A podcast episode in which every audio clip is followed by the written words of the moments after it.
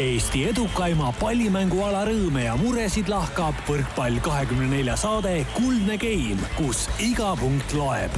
taustajõuna hoiab mängul hoogus ees Kredit kakskümmend neli tere, head kuulajad, kui lõõmav päike on kütnud suve alguses ilmad soojaks, siis Eesti rahvusmeeskond on kütnud siinsete võrkpallisõprade südamed soojaks ja jõudnud Euroopa Kuldliigas nelja meeskonna osalusel toimuvale finaalturniirile. aga kõigest lähemalt ikka omal ajal. Et podcast'ide lindistamine on täna Eestis sama populaarne nagu välikohvikute avamine ning vaba aja leidmine osutus seekord üsna keeruliseks, siis alustab Kuldse Game'i kolmik oma seekordset saate lindistust Narva maanteelt Delfi stuudiost.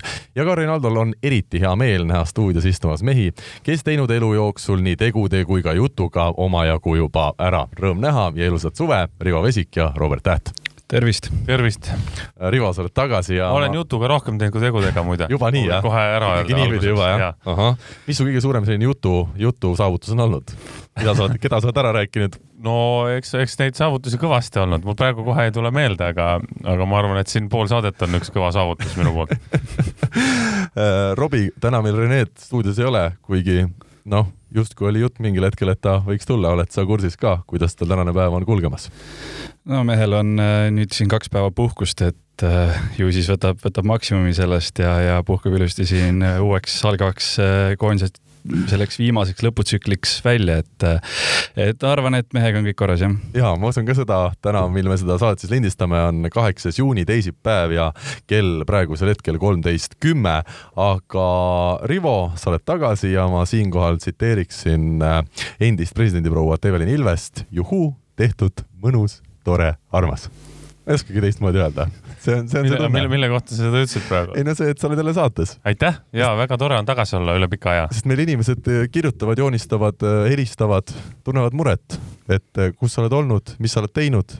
natuke räägi meile. ärge muretsege, kõik on hästi.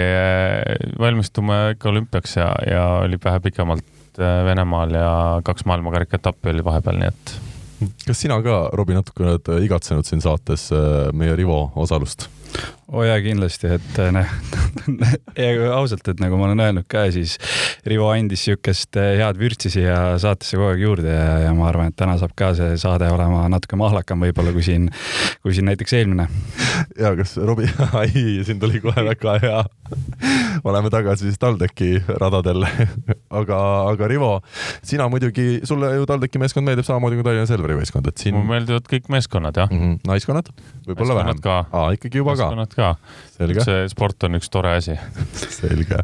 siinkohal ka, et ega mul ka TalTechi vastu kindlasti mitte midagi ei ole ja, ja ma ei kuulu ka sinna nende vastaste leeri väga hea, nüüd on seegi selge, aga meie läheme edasi ja ma küsin nii, Rivo, sinu käest, et äh, Venemaa, Sotši, Tšehhi, Ostrava, need on kaks viimast sihtpunkti olnud mm. -hmm. jah. MK-etapid, neli tärni, maailma tipud kõik kohal. jah ja, ja sinu poisid siis Krasilnikov, Stojanovski esmalt äh, kodusel etapil jäid üheksandat kohta jagama ja seejärel Ostravas neljandat. mis nüüd kokkuvõtteks öelda, kas hakkab natukene asi loksuma juba paika või oleks veel kaugel sellest, kus sa tahaksid, et nad oleksid praegu? Äh, noh, meil teine võistkond oli, oli viies ja kolmas võistkond oli seitsmeteistkümnes Ostravas on ju ja, ja Moskvas siis vastavalt Moskvas? või äh, Sotšis vastu üheksas, üheksas. ma mõtlesin, vaata, kunagi olid äh, enne olümpiat ikkagi nõukogude ajal olid sellised äh, eelvõistlused enne olümpiat, ma olen kuulnud, noh, sportlastel, kus tõmmatigi enne olümpiat kodusel võistlusel selline, kõik paremad võistlesid ja pidid seal siis teenima selle olümpiakoha välja, kui lõpuks olümpia jõudis kätte, siis kõigil oli tippvorm möödas, sest kõik ajastasid vormi selleks ajaks, et üldse koondisse saada ja olümpial siis mindi ja, ja vahel ebaõnnestuti. Teil päris sellist Moskva eriturniiri ei olnud kuskil? ei, ei, meil noh, nüüd hakkab enam-vähem nagu loksuma paika mingisugused asjad et äh, ja ja üldse maailmakarikal toimuvad väga-väga huvitavad asjad praegu, et äh, Norra võistkond, kes siin on viimased kaks aastat vist oli, nad enne Sotši etappi polnud kaks aastat, noh, hea küll, üks aasta jäi vahele, kaks aastat polnud kaotanud ühtegi mängu. ja nüüd jäid seitsmeteistkümnendaks ja, ja Ostravas jäid üheksandaks, mis on nagu nende jaoks ikka väga-väga kehva tulemus ja aga meil läheb jah vaikselt ülesse, et hakkame nüüd aru saama, mis teha tuleb ja kuidas teha tuleb, et. Krassilnikov on ka hakanud treenides osalema? Ta on hakanud liigutama ennast jah, natuke rohkem. ja vähe, vähe nagu seda jonni on nagu vähemaks jäänud, et. nii et maailmameistrite puhul nüüd seda päris ei saa öelda, et olümpiarong oleks läinud, et seal midagi saavutada ei võiks Äh, kindlasti mitte, olümpiarong ei ole kellegi jaoks läinud ja nagu ma ütlesin, see hooaeg on nagu nii crazy olnud, see on, see on nii ajuvaba näha, kuidas, kuidas on see üks vaheaasta nagu mõjunud inimestele. osad on väga heas füüsilises vormis. osad ei suuda üldse nagu midagi teha. kõikide vorm kõigub üles-alla, et äh, ma arvan, et just täna on väga tähtis see ajastamise küsimus sinna olümpiale. isegi rannavõrkpallis, jah? ja, ja, ja, ja sest meil on noh, see aasta on jäänud üks maailmakarika etapp veel. põhimõtteliselt kaks kuud on olümpiani ja üks maailmakarika etapp, et äh, et seda vormi ajastamist on üsna raske teha, kui, kui sul ei ole turniire, sa ei näe nagu, mis toimub, on ju, sa trennides teed ühte asja, aga sa konkreetset mängusituatsiooni ei näe. ja siis sealt, sealt pealt on nagu väga raske seda timmida, nii et äh, noh, ma loodan, et me oleme õigel teel, vähemalt need kaks turniiri näitasid, et me, meie oleme nagu õigel teel, ülejäänud teistest, teistest on täitsa ükskõik, kui päris aus olla, mis nemad teevad. kas Molso Rumm Norras, keda sa mainisid, siis ütleme maailma esipaar siin ikkagi viimaste aastate MK-etappide tulemusi vaadates, kui kaugel nemad siis oma vormist on ja kas võimalik on lihtsalt see, et neid ei huvitagi absoluutselt, mis seal MK-etappidel toimub, tähtis on olümpialiste mängida? ei no mis, nad ju kaks esimest maailmakarika etappi Mehhikos võitsid Nad võitsid kaks tükki järjest, siis läksid mängima Continental Cupi, nüüd tulid tagasi. mis on, mis nüüd muutus, on ju, on see, et kui ennem mängiti sormu peale enamus palle, siis nüüd hakati mängima molli peale. Ja meil on olnud, me oleme kolm aastat rääkinud seda kõikidele nagu võistkondadele, mängige tema peale, servige sinna, tehke seda, seda, seda ja ta hakkab eksima mingi hetk. Yeah.. ja nüüd nad siis lõpuks on jõudnud sinna, et, et et äh, ta hakkaski eksima ja ongi kaotanud kaks etappi põhimõtteliselt ühe mängija pealt, onju. ja, ja meie point oli nagu see, et tema, nende mõlema rünnaku protsent on selline seitsekümmend umbes aga soorumine on lihtsalt rohkem variante. Koksap teeb kõiki asju, on ju paremini, Moll on niisugune jõuline mängija, keda on, keda on lihtsam esiteks väsitada ja teiseks on tal vähem nagu rünnakuvariante. nii et teised võist-, võistkonnad on siis hakanud äh, andma molli lõpuks ometi jah andma molli. aga no,, aga kas täna võib öelda, et sinu poisid siis äh, on äh, olümpia suurimad favoriidid ka? Äh, jah, ma julgen küll, ühed, ühed suurematest küll jah hmm.. et ei hakka siin sellist juttu, ei ole mõtet rääkida, et oi, meie nüüd kindlasti ei ole, et no on küll, et me lähme sinna kindlasti medali järgi. kas Venemaalt on keegi juba sõnad peale ka lugenud, et Rivo, Dorogie, Druzja, me ootame, mis see on? Seda, see loeti kohe peale alguses, esimesed viis aastat tagasi loeti peale, seda siiamaani loetakse, et see, see ei muutu seal kunagi, et tippsporti tehakse tulemuse peab jaoks, et. nii et sinu jaoks Tokyo olümpia võib jääda Venemaa koondises viimaseks, kui väga head tulemusi ei tule? Äh, jah, jah, päris aus vastus jah, äh, meie kõigi jaoks võib ta jääda viimaseks, et mm. Venemaa koondises, et seal see, see, sedasi seal need süsteemid on ja, ja sellega ei olegi midagi teha, et. räägime rahastusest ka natukene, ma vaatasin, et kui seal Sotšis jäid Krasilnikov ja Stojanovski. üheksakümmend kohta jagama siis neli tuhat dollarit ja kaheksa tuhat dollarit siis neljanda koha eest Ostravas. kas see raha on nüüd see, mis lähebki paari peal jagamisele või peate te ise kohale lendama, hotellid võtma või mis seal korraldajate poolt on tagatud sellisele paarile äh,? ei noh, see läheb, see läheb nüüd nende mängijatele on ju, korraldaja poolt on hotell, kui sa oled põhiturniiril, söögid. ja noh, transport lennujaama ja tagasi, et ega muud ei olegi nagu. Mm noh, nendel on muidugi palgad ja asjad ka, aga, aga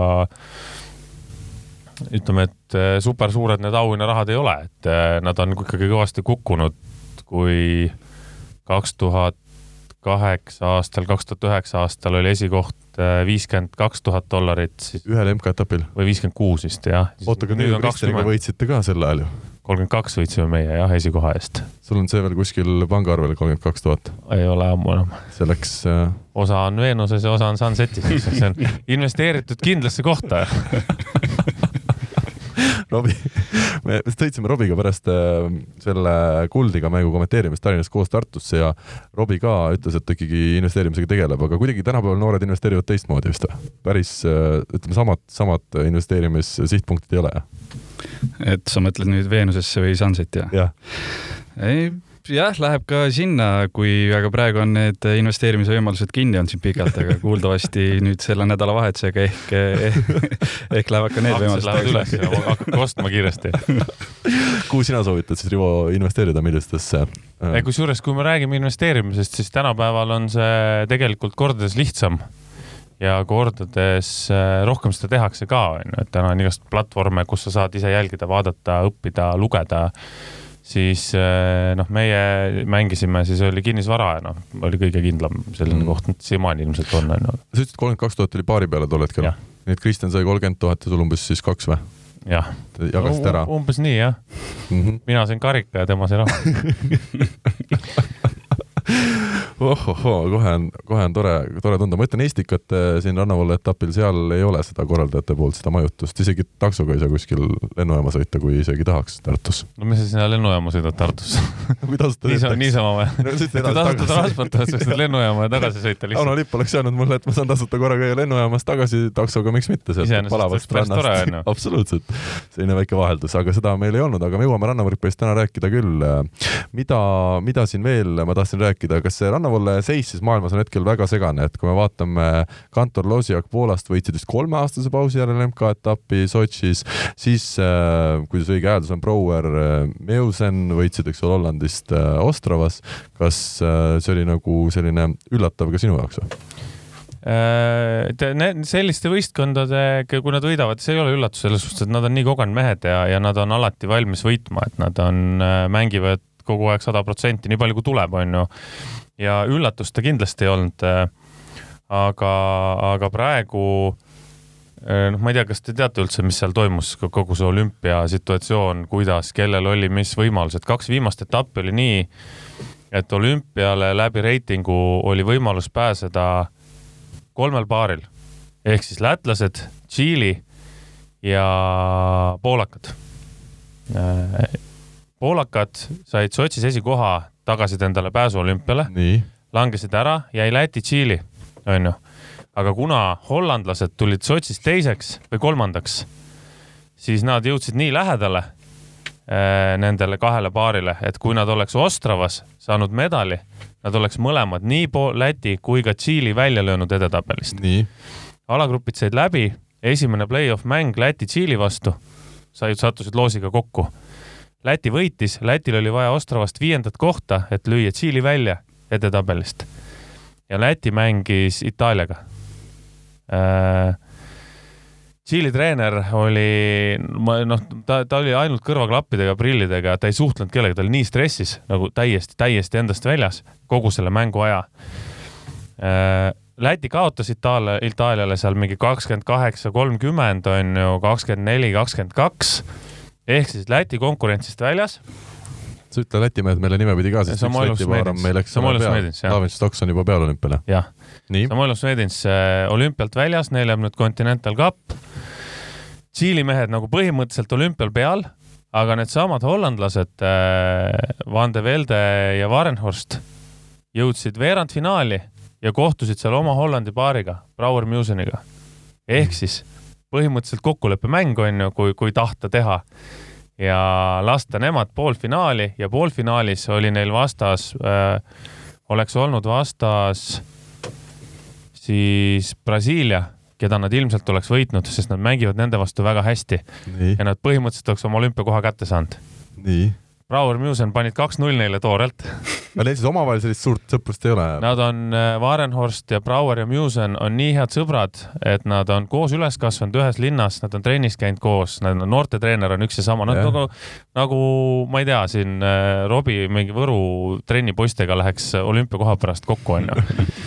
ja kokkulepet ei olnud, midagi ei olnud, mängisid, hollandlased kaotasid ja, ja noh, Tšiili treener oli äh, alati, sel-, nii kui Hollandis äh, Brouwer lõi viimase punkti maha tüüp tegi kohe õlle lahti kohe ja oli kadunud nagu kaks päeva oli täiesti läinud. aga, aga sellist situatsiooni, et nii palju nagu võimalusi on kellelgi kuskilt jälle tuleb, pole enne olnud, et, et ülipõnev oli, oli nagu jälgida ja samas mõelda, panna ennast sellesse olukorda, et meil on noh, kaks võistkonda peal on ju, meil on hea rahulik. ma ütlen, et Rivo ütleb meile, et mitte Eesti, Eestil ei ole vahepeal koondise kohti kuskilt maha sadanud, vaid Venemaal. Venemaal jah, ja, ja, me selles suhtes oli nagu väga-väga rahulik kogu seda asja jälgida ja mõelda, et mina ei tahaks olla seal selles olukorras, et kus sul on, sa näed nagu lätlaste treenerit, on ju, kes on itaallane kes oleks võinud rahulikult minna itaallaste juurde, öelda, et noh, poisid, et palun teeme mingisuguse kokkuleppe, et seal ei pea olema raha ega midagi mängus, on ju, aga küsida mingit teenet, on ju.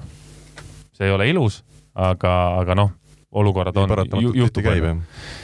ja, ja siis oli see Hollandi mäng veel otsa, et äh, päris pöörane oli see turniir, viimane huvitav, et seal alaliidult siis ka ei tulnud mingit sihukest ideed äh, hollandlastele, et nad omavahel kuidagi nii sätiks, et mõlemad saaksid ikkagi olümpiale äh, treenerite käest küsisin, treenerid ütlesid, et nemad, äh, alaliit ei sekku, nemad ei sekku, et mängijate omavaheline asi. kui mängijad kokku lepivad midagi, siis lepivad, kui ei lepi, siis, siis mängivad nii, nagu on mm.. Nemad sinna vahele ei sekku. nii et lõpuks sportlik printsiip jäi siis igal juhul seal mõlemas olukorras peale ja see on vist äh,, seda on rõõm tõdeda ja,. jah, ja ongi õige ja, ja rõõm tõdeda, aga ebareaalne, lihtsalt ebareaalne situatsioon. aga rannavõrkpallist tõesti, me räägime siis Eesti tasandil tänase saate teises osas veel, küll aga siin äh, ma võin öelda, enne kui me saate lindistuse käima panime, olin mina siin, sättisin oma arvutit üles ja vaatasin, et programm töötaks ja tundub, et siiani vähemalt töötab, aga mida tegid Rivo ja mida tegi äh, Robbie, rääkisid omavahel tervisest.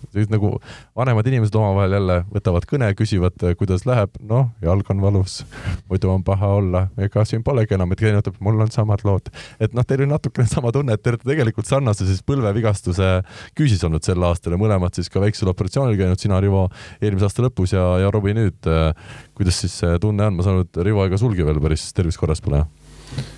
noh jõudsime ühele järeldusele põhimõtteliselt, et tuleb nagu kannatlik olla ja, ja võtta rahulikult asja, et äh, minul on nüüd on nagu okei okay,, aga minu põlv ei ole kordadeski nii tähtis kui, kui, kui Robbie põlv, et kuidas Robil siis seis on? operatsioon, ma saan aru, sai tehtud, aga see oli selline minimaalne operatsioon, et inimesed ei nüüd peast kinni hoidma, et Robert Täht seitse aastat enne väljakul jah, noh, nii mini-, nii minimaalne, kui ta olla võib-olla sai, et, et, et aga kui sinna põlve sisse lõpuks vaadati, siis äh, leiti, et äh, olukord on võib-olla natuke kehvem, kui see MRT pilt näitas. oluliselt taastumisaega see nüüd pikendama ei pidanud ja selge eesmärk on mul ikkagi juuli lõpus äh, koondise teist tsüklit alustada juba täismahus äh,. töötan selle nimel, teen kõik, mis vaja, et, et see nii ka, nii ka läheks ja et aga, aga täna on jah, põlve seisukord on pigem hea, et siin nädalavahetusel võib-olla pühapäeval pühapäeval eh, sai natuke liiga palju jala peal tatsutud, et siis eh, tekkis ka väike paistetus, et nüüd eh, Rivo käest ma uurisingi just sellesama teema kohta ja, ja ta ütles, et ka tema oli pikalt oli liiga julge või noh, just alguses oli liiga julge ja siis see põlve taastumise aeg läks nagu venis selle tõttu pikemaks ja, ja noh, nüüd ise ka siis tuleb seda jalga rohkem selle seina peal hoida vaata, et doktor Vassiljev on meil populaarne doktor, keda ikkagi paljud Eesti inimesed võtavad ka väga-väga tõsise doktorina. doktor Vesik võiks olla teine saade, millest konkureerivas kanalis vaata, tehakse ikka selliseid sarnase formaadiga saateid erinevates kanalites. Mart, kui sina hakkad inimestele ükskõik millist Ravi, abi. ravima hakkan no see, inimesi. see võib olla ükski, võib olla ka finantsabi näiteks, et kuhu paigutada raha, sina ütledki, et eh, noh, kaks varianti, Veenus või, Veenus või Sunset, eks ole, et Veenus on olnud nagu võib-olla mingitel hetkedel ees ja noh, hindad seda olukorda. absoluutselt, tehke pakkumised kanalid ma arvan, et ma oleks väga hea arst väga hea arst. mulle juba mõjus, vaata, et. jaa äh,. nagu ütles ühele sõbrale, ma ei mäleta, kes see doktor oli, ütles sõbrale, kui sõber ka läks kaebama, et äh, põlv valutab, onju siis sõber ütles, et noh, et vaata, et kui ma näiteks jalgpalli mängin, onju, siis mul põlv ei valuta, aga kui ma lähen jooksma, siis mul hakkab põlv valutama. arst ütles sõbrale, aga ära jookse väga hea nõuanne, selge, aitäh. visiiditasu makstud, lähme koju. seitsekümmend euri, palju see on siuke, eks ole. mis iganes. aga ongi, ma võin samamoodi nõu anda. ja tähtis on see, et inimene usub arsti. kui sa selge häälega ütledki selges sõnas, et teil on kõik hästi tegelikult, kõik on korras. inimene lähebki koju, vaatab, võib-olla näed, jalg enam ei teegi valu, et näed, doktoril oli õigus. et see platseeboefekt on tänapäeval ju ka väga tähtis äh,. muidugi ja, ja aga kui ma siin juba doktor Vassiljev mängu tuli, siis no ikkagi ütleme sinna, sellesse klassi ma veel ei, ei, ei liigitaks ennast, et see on ikkagi midagi ülemat, et seal need mõtted vist tulevad kuskilt mujalt kui tema peast, et äh, kui, kui mingi, mingi kosmosega peab olema ühendus, et sellist juttu rääkida. doktor Vassiljev on kuuldavasti ainus eestlane veel, kes kasutab seda vana head lauatelefoni see on ka, ma arvan, et saates, see on ja, ja saates kus... võtab selle ka päriselt, teeb näo nagu noh, sealt tulebki see kogu heli ja värk. ah, on, ma pole juba vaadanud seda, pole tervisega probleeme olnud ma ütleks, et ta koroonat ka ravib või? kindlasti. ravib jah ja.? okei okay,, peaks helistama. ja, ja see on, kõik on omavahel seotud. aga head kuulajad, selline väga siis mõistlik. Äh, terviseminutid on lõppenud toetajaks on Apoteek apteek nagu ikka. ja ko ko koodiga Karl Rinaldo saate homme aspiriini poole hinnaga, aga ainult homme ei, aga jätkame kohe järgmise teemaga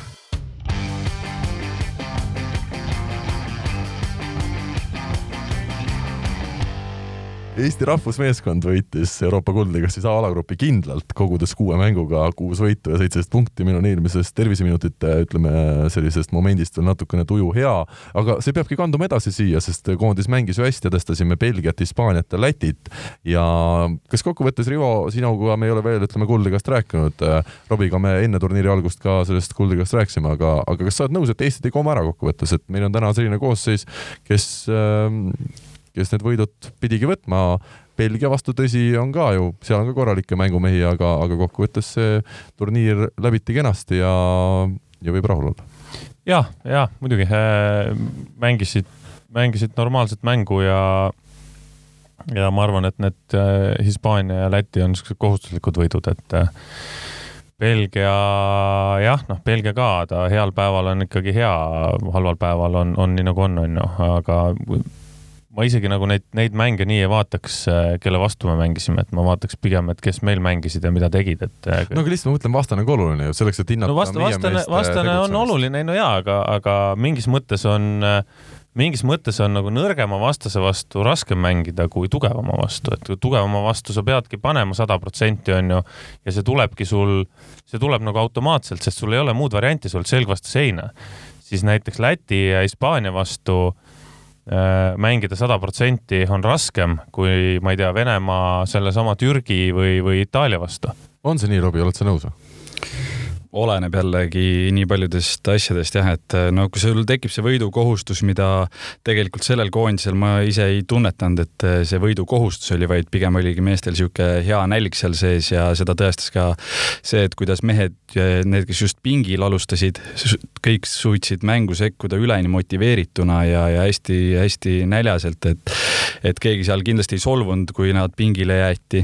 ja, ja noh, ma mõtlen, et, et siin ma ei tunnetanud, et mingi võidu võidukohustus oli koondisel, vaid pigem oligi see võidu, võiduisu, võidunälg, ütleme niimoodi aga sisemine konkurents? see oli ka kindlasti kõva, aga, aga noh, ma mõtlen, et kindlasti kellelegi ei meeldi seal pingil seda mängu alustada, kuid suudeti see ilusti alla neelata ja, ja kui tuli võimalus, siis mindi seda täiega ära kasutama, mitte ei olnud seda mingit nägude tegemist seal no ma ikkagi keskenduks peamiselt võib-olla sellele Belgia mängule, kui me esimese Belgiaga mängu Tartus võitsime kolm-kaks, uskumatult huvitav mäng oli, kas sa, Rivo, ka jõudsid jälgida seda? ei jõudnud, ma üritasin jälle, aga, aga tänu erinevatele geoblokkidele ja asjadele, kus peab nagu läbi minema, siis. Läks tuju ära? ei, tuju ei läinud ära, lihtsalt see, ta kiirused, internetid, asjad ju võtab nii palju maha, et siis hakkas sihuke häkkimine, et või hakkimine, et ma, ma ei ei suutnud vaadata seda mängu, ütleme nii siis. No aga kokkuvõttes ütleme Belgia vastu, võtame need kaks mängu kokku ja Oliver Venno ikkagi suurim punktikütt ja, ja meie vaieldamatu liider selles teises mängus, mis siis Liepajas nädalavahetusel peeti kakskümmend kolm punkti pluss viisteist. tõsi, esimesel päeval Hispaania vastu oli Venno veel võimsam ja kui ütleme, Belgia vastu oli tema rünnakuprotsent nelikümmend protsenti, siis seal esimeses mängus Hispaania vastu vist üle seitsmekümne protsendi, et Oliver meid vedas ja, ja tore on siis näha, et kui esimeste mängude põhjal Euroopa kuldliigas tänavu tundus, et Rene Teppan on meil selge esinumber, siis nüüd on ikkagi konkurents äh, avatud. Ja vaadates neid venno esitusi, me saime nüüd siis ka Liepajas kinnitust, et see Tartus peetud mäng Belgia vastu ei olnud mingi juhus või ühekordne säpatus, vaid venno ongi ikkagi jätkuvalt hea no ja super oli minu arust näha seda, et kui Teppan nüüd kahte mängu Liepajas ei alustanud ja kolmas mäng Läti vastu, kui oli juba kõik kindlustatud, pandi sinna platsile, et, et siis ta sai ka seal parima mängija auhinna kohe, et, et neliteist punkti pluss üheksa, jah? noh, täpselt, et äh, mees oli ikkagi jätkuvalt näljane ja, ja kuidagi ta ei solvunud, et, et, et vennad sinna eelistati. aga Belgia vastu veel see teine mäng just, et Venno sai viiskümmend tõstet nüüd, et sihukest asja Eesti koondises pole nüüd, ma arvan, tükk-tükk aega juhtunud, et ühele mängijale nii palju koormust antakse ja pluss siis see ka, et tal oli eelmisel päeval ju mäng äh, Hispaaniaga veel selja taga, kus ta sai ka korralikult tõsteid, et äh, nagu sa, Robbie, vist rääkisid ka, ma ei mäleta enam, kas see oli nüüd äh, ülekande vahendusel või kus, aga et Venno ongi rohkem mängija, kes vajabki neid tõsteid, et tal mäng päris nii ei suju, kui ta on pikalt jälle pausil ja peab ühe rünnaku tegema. no nii on mulle tundunud ja, et miks ta võib-olla ei oleks parim mees näiteks, äh, võtame Saksa, kus on äh, Poola, Poola tähendab äh, meistritiiliga võitjaid siis sellel aastal, kus see on koormused hästi ühtlaselt ära jaotanud, et Venno on mänginud viimased aastad kõik klubides ka, kus ta saab kõige rohkem tööd nüüd ülekaalukalt ja ka koondises tegelikult mingi periood me diagonaaliga noh, Gert sinna nii palju ei andnud. et, et, et aga tundub, et Vennole sobib just täpselt see jah, et ta saab kogu aeg saab äh, tööd, tööd, tööd. aga jah, see näitab ka mingis mõttes, et äh, Viiber, kes äh, tõstab, et hästi palju usaldas siin kindlasti ka noore mehena, see mugavam koht, kuhu tõsta on tal selja taha ja siis hästi palju, hästi palju sellele toetus. kuidas need on, põhimõtteliselt Robbie juba natukene hakkas vastama sellele järgmisele küsimusele. Robert Viiber, Renat Vanker, kaks noort sidemängijat meil siis Euroopa Kuldliigas tänavu kaasa lõid sellel positsioonil ja, ja kas see, et Venno sai palju tõsteid, no me teame, et ta mängiski ju nendes mängudes peamiselt äh, Viiberiga koos samal ajal, et äh, kas, kas see oli nagu treenerite poolt antud äh, juhis, et tulebki vennale palju anda, kuna vennal selline mäng sobib ja oleks Vanker väljakul olnud, oleks samamoodi palju tõsteid saanud või oli see nüüd Viiberi enda selline otsustamine, et, et talle meeldibki ja, ja ta tahabki vennale palju anda tõsteid, palju seal on nagu vabadust sidemängijal? kuuldavasti oli seal pigem see juba seal teine mäng, et natuke liiga palju läheb ühte auku seda tõstet. et kindlasti Viiber noore mehena ja üldse noored sidemängijad ja igal sidemängijal tegelikult on see lemmikkoht, kuhu neid palle anda. Vankeril on see pigem tsoon neli ja Viiber Viiberile meeldib äh, selja taha anda ja ju, ju siis see näitab ka, et, et ta tahtis äh, kasutada just oma seda lemmik, lemmiksuunda. Rivo, sa kuulsid praegu endise temporündajana, et, äh, et tempost ei taha keegi sidemängijatest väga anda? no aga see on ju ammu teada, see pole kellelegi uudis, me ju käime seal tühja kargamas ega samas võtad nüüd Gerdi, et Gert mängib vist kõige meelsamini, ma arvan, just seal. Gert mängib temposse, jah. temposse ja kuute, et ja, sinna enda lähedale siukest kiiret palli, jah. jah, oligi, kui oli Gert ja Veiko Lember on ju, siis äh, Veiksiga teadsid rahulikult, et sa käisidki seal üheksakümmend protsenti niisama tuiasid seal keskel, keset petmas. aga Gerdiga pidi olema nagu kogu aeg valmis, et Veikol oli mingisugune oma rütm, on ju, oma asi, kuidas ta mängis ja põhimõtteliselt temporündajana sa teadsid, et Veiko annab sulle alguses ja võib-olla lõpus, et vahepeal nagu ta algul söödab vastasele sisse, et tempo tuleb ja siis lausa jagab nagu laiali ja siis lõpupoole võib ka panna sulle. Gerdiga oli see, et sa pidid ikkagi kogu aeg valmis. kuule, aga see on ju kehva sidemängija tunnus. ma väga austan äh, Veiko Lemberit nii võrkpalluri kui inimesena, aga, aga no sellist asja ei saa olla, kus siis vastane loeb ju läbi just tänapäeval tehakse no, nii põhjalikult no, päris, päris nii mustvalge ka ei olnud, onju, aga, aga mõte oli nagu see, et, et selline, selline tema mängustiil nagu sinnapoole ta oli aha, rohkem. aga hästi palju on, äh, mõtlen ka meil oli üles ehitatud vist äh, Hispaania vastu äkki, kurat, ma võib-olla valetan, aga ma mõtlen, võtan üleüldiselt siis, et hästi tihti on äh, vastaste vastu niimoodi, et näiteks temporündajad commit ivad ehk siis hüppavad selle temporündaja kaasa teatud punktideni ja, ja. siis game'i keskelt alates näiteks hakkavad rohkem lugema seda mängu ja, ja enam sinna keskel seda kindlalt eh, hüpet ei pane väga huvitav, ma ütlen lihtsalt kõrvale ka, et eh, kui Venno sai tõesti mängus Belgiaga siin eh, viiskümmend tõstet, siis järgmised mehed, Kristo Kollo kakskümmend viis tõstet ja Albert Hurt siis vahetusest väljakule tulnud mees sai üheksateist tõstet. aga mida siis veel järeldada sellest turniirist? just seesama asi ikkagi, et me oleme kartnud, kas ja kuidas meie noored sidemängijad saavad Gert Toobali puudumisel hakkama, aga see turniir pigem andis ikkagi kindlust. Robert Viiber sekkus väga hästi, kui alguses tundus, et Renat Vankeril on kindel see esikoha, esinumbri koht, siis tegelikult minu jaoks Robert Viiber esmakordselt andis sellise suure ja tugeva impulsi, et ta on ka ikkagi mees, kes võib Eesti koondises ka tähtsates mängudes väljakul olla, et me olime näinud teda aastaid väga vähe, välismaal ta on mänginud ja ka sellistes liigades, kust väga seda mingit kajastust suurt ei ole aga nüüd siis äh, Eesti koondise ridades me nägime teda ja, ja korduvalt ja, ja sai hakkama küll. Tead, mina arvan isegi täna, et, et kui nüüd on EM-ist juttu, on ju, suurtest turniiridest, siis äh, see välismaal mängimise kogemus on pigem nagu pluss äh, Viiberi poole. no lihtsalt on see, et Viiberit me ei näe igapäevaselt, aga ja. Vanker on meil, eks ole, Tallinna Selveris võidab Eesti karika, Balti liiga, ta on kogu aeg suures pildis telemängudes, et me lihtsalt paratamatult näeme teda rohkem.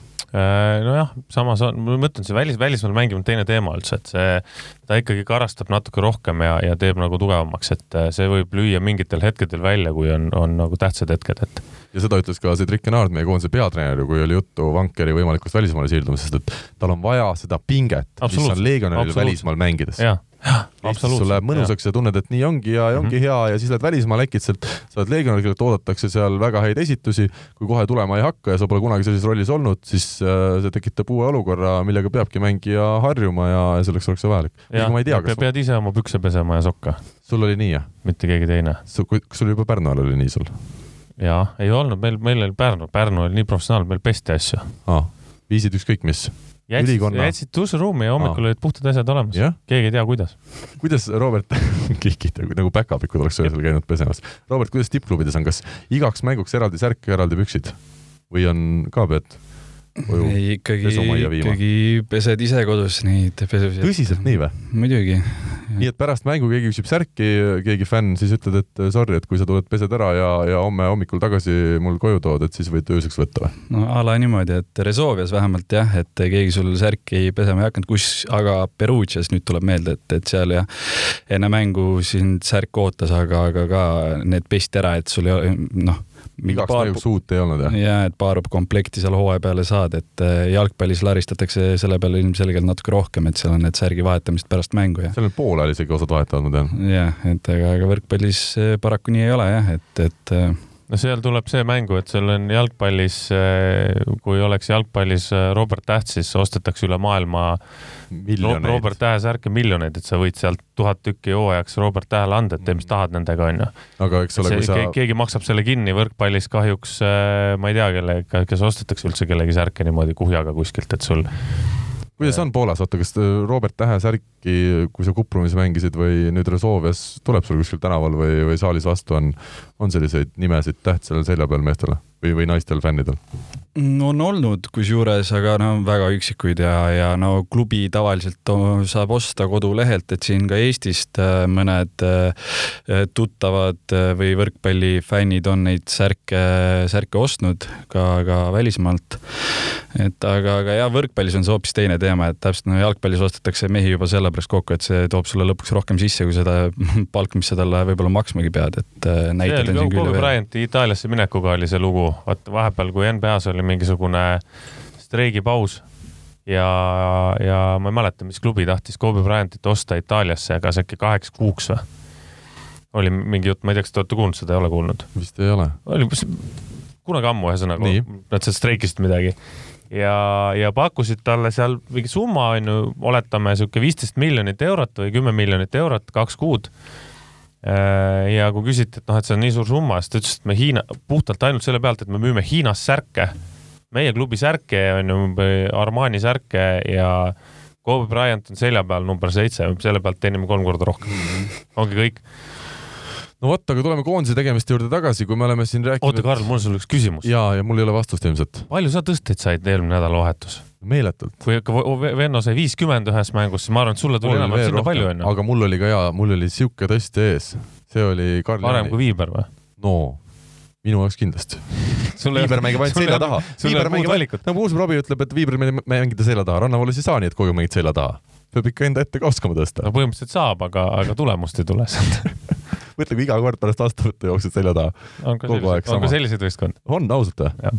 kogu aeg selja taha? no enam jah, palju jah ja isegi ühe pealt ründavad seda. aga see selleks, ma sain oma vastuse onju, sa said ühesõnaga väga palju tõsta. sain, sain, mõni üksik, kui vaata, lähed, lööd pallist mööda, siis läheb vahel ka paarilise peale. meil juhtus seda ka vastastel, siis serv läks mööda natukene, siis pidi Karl-Jaani vastu võtma. aga äh, koondise puhul, kui me rääkisime diagonaalründajatest, huvitav seis, me rääkisime siin sidemängijatest, huvitav seis ja täpselt samamoodi on meil nurgaründes huvitav seis, kui meil on Kuldliiga finaalturniir ootamas ees tänaseks vähem kui kahe nädala pärast, siis minul ei ole küll ausalt öeldes täit kindlust, kes meil alust, alustavad nurgaründajatest. Rivo, ma annan sulle võimaluse pakkumisi teha. Karl Allik mängis korralikult, Kristo Kolla mängis siin korralikult neljapäevas, Märt Tammearu Lätis, Läti vastu viimane mäng jälle väga hästi, samamoodi Tartus ta mängis hästi, Albert Hurt on hästi mänginud. paneb neli, neli nurgameest korraga väljakule no mina, mina, ma ei ennusta midagi, see on nagu treeneri, treeneri töö, pigem ma ütlen ainult seda, et et koondise seis on väga hea, kui sa saad niimoodi valida, onju, et see ongi nagu väga hea, mhm. kas ta, ma just siin Robiga eile või üleeile, millal me kirjutasime, onju äh, rääkisime ka sellest natuke, et äh, minu küsimus on, kas see nagu treeneri jaoks on lihtsam ülesanne või ta on nagu keeruline ülesanne on ju, et kui sul on nii palju võrdseid häid mehi. me rääkisime siin Poola koondisest, et Poola koondis mängis äh, neli mängu Belgiaga nelja erineva, täiesti erineva koosseisuga ja kõik mängud võitsid nagu ülikindlalt onju, üli-ülikindlalt. et siis nagu päeva lõpuks, kui sa nüüd treenerina pead sõitma olümpiale või, või EM-i finaalturniiri, siis keda sa paned sinna mm, -hmm. sa ei mhm. tea, sa täpselt noh ilmselt treener teab seda, kes millal, mis vormis on, kuidas keegi kellega läbi saab, onju. et seal tuleb nagu see ka mängu juba. mida meie niikuinii ei tea. mida meie niikuinii ei tea jah, et pigem ma arvan, et mina ütleks nii, et seis on hea ja kes sinna peale läheb, on juba, on juba treeneride asi, et no täna ma arvan, et isegi peatreener ei tea, kes seal äh, poolfinaalis meil alustab, et seda on äh, hetkel ülimalt raske ennustada ja, ja täiesti nii-öelda mõttetu ka, et äh, selle nädala-kahe jooksul siin ilmselt muutub ka, võib muutuda päris palju.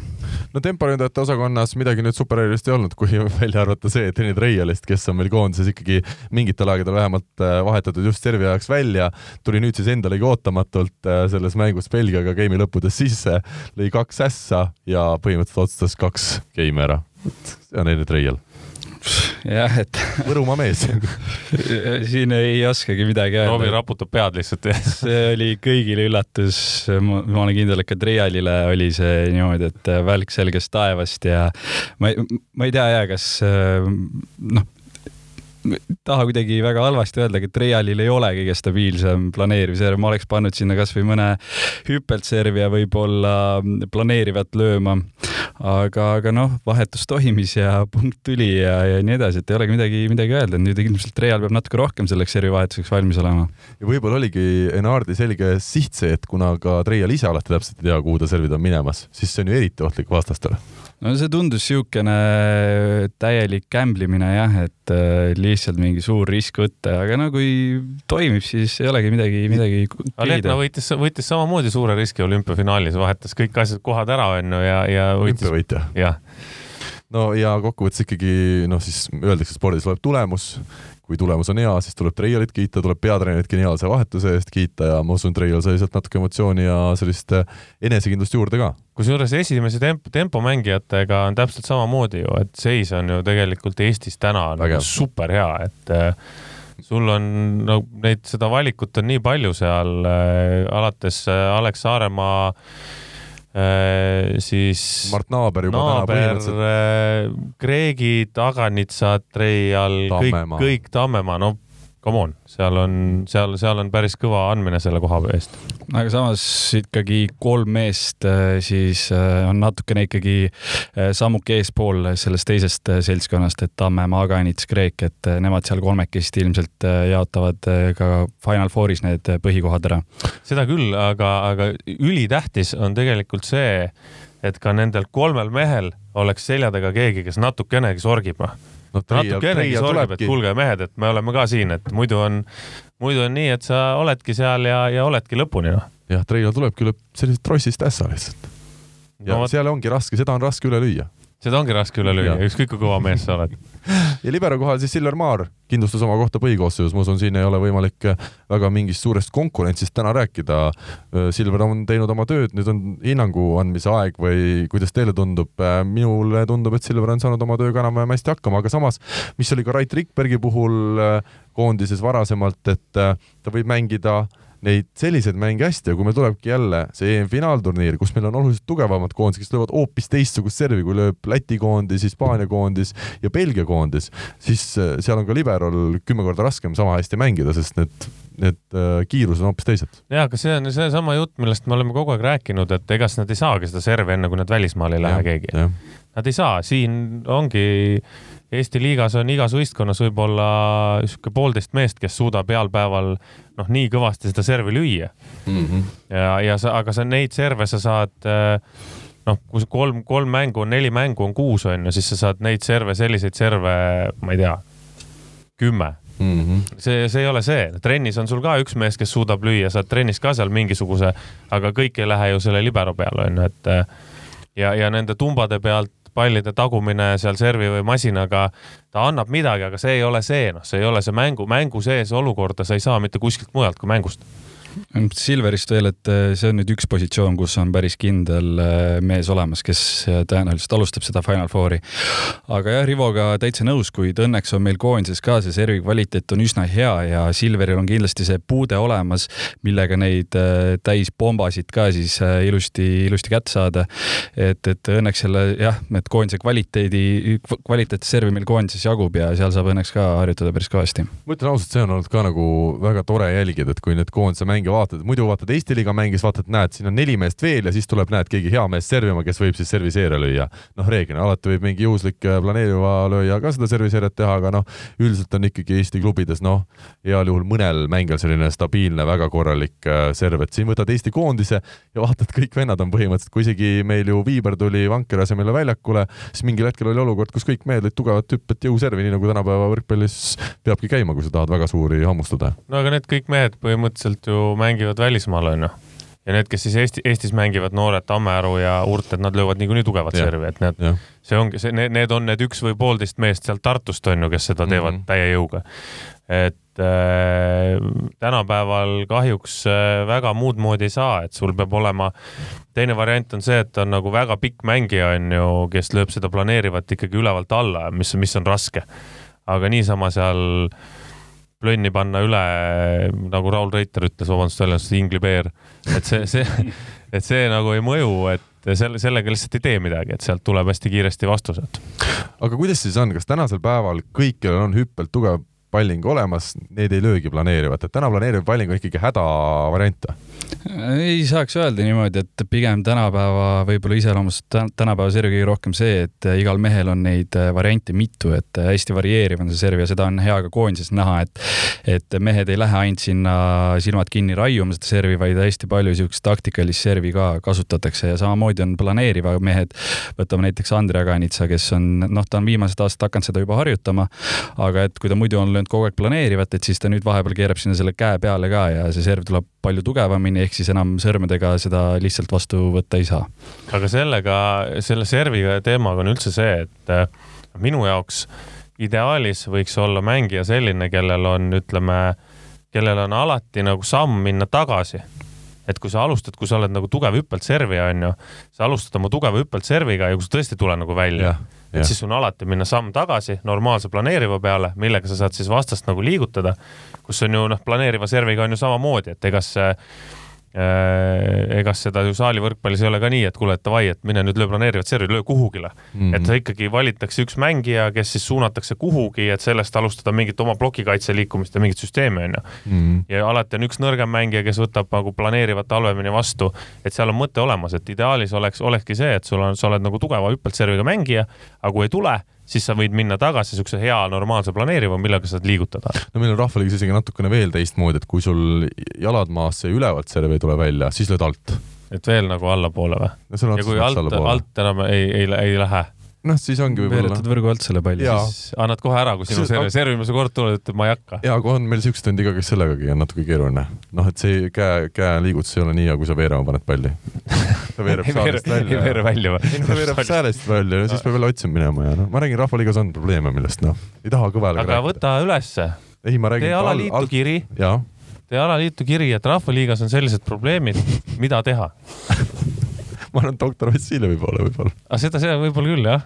helistada, aga ta kindlasti ei ütle, et tema ei tea nüüd midagi, ta endast annab ütleb, et kraadida paratsetamooli ja kraadida tuleb rohkem järgmine läheb, paremaks.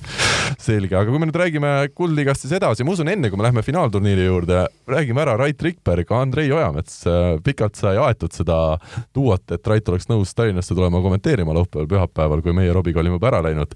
ja esiteks tervitame Raitu ja kiidame teda, et ta oli nõus seda kõike tegema tegema ja ütleme, ei ole lihtne leida kommentaatoreid, kes võrkpalli ka Raitiga jagaksid ja Rait kahtlemata võrkpalli jagab.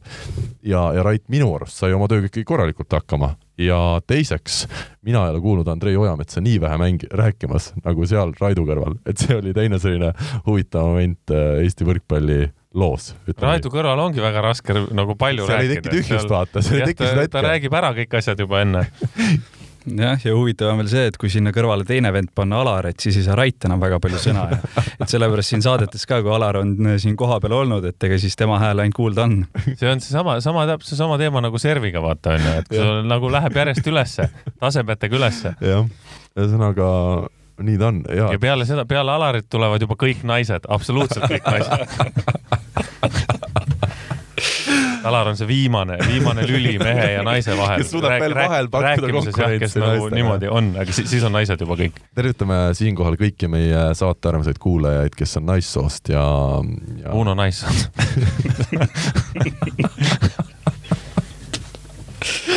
oi, oi, oi, nii, head võrkpallisõbrad, tuleme tagasi tõsisematele teemadele juurde ja räägime Kuldliiga finaalturniirist, mis siis Kortrikis Belgias.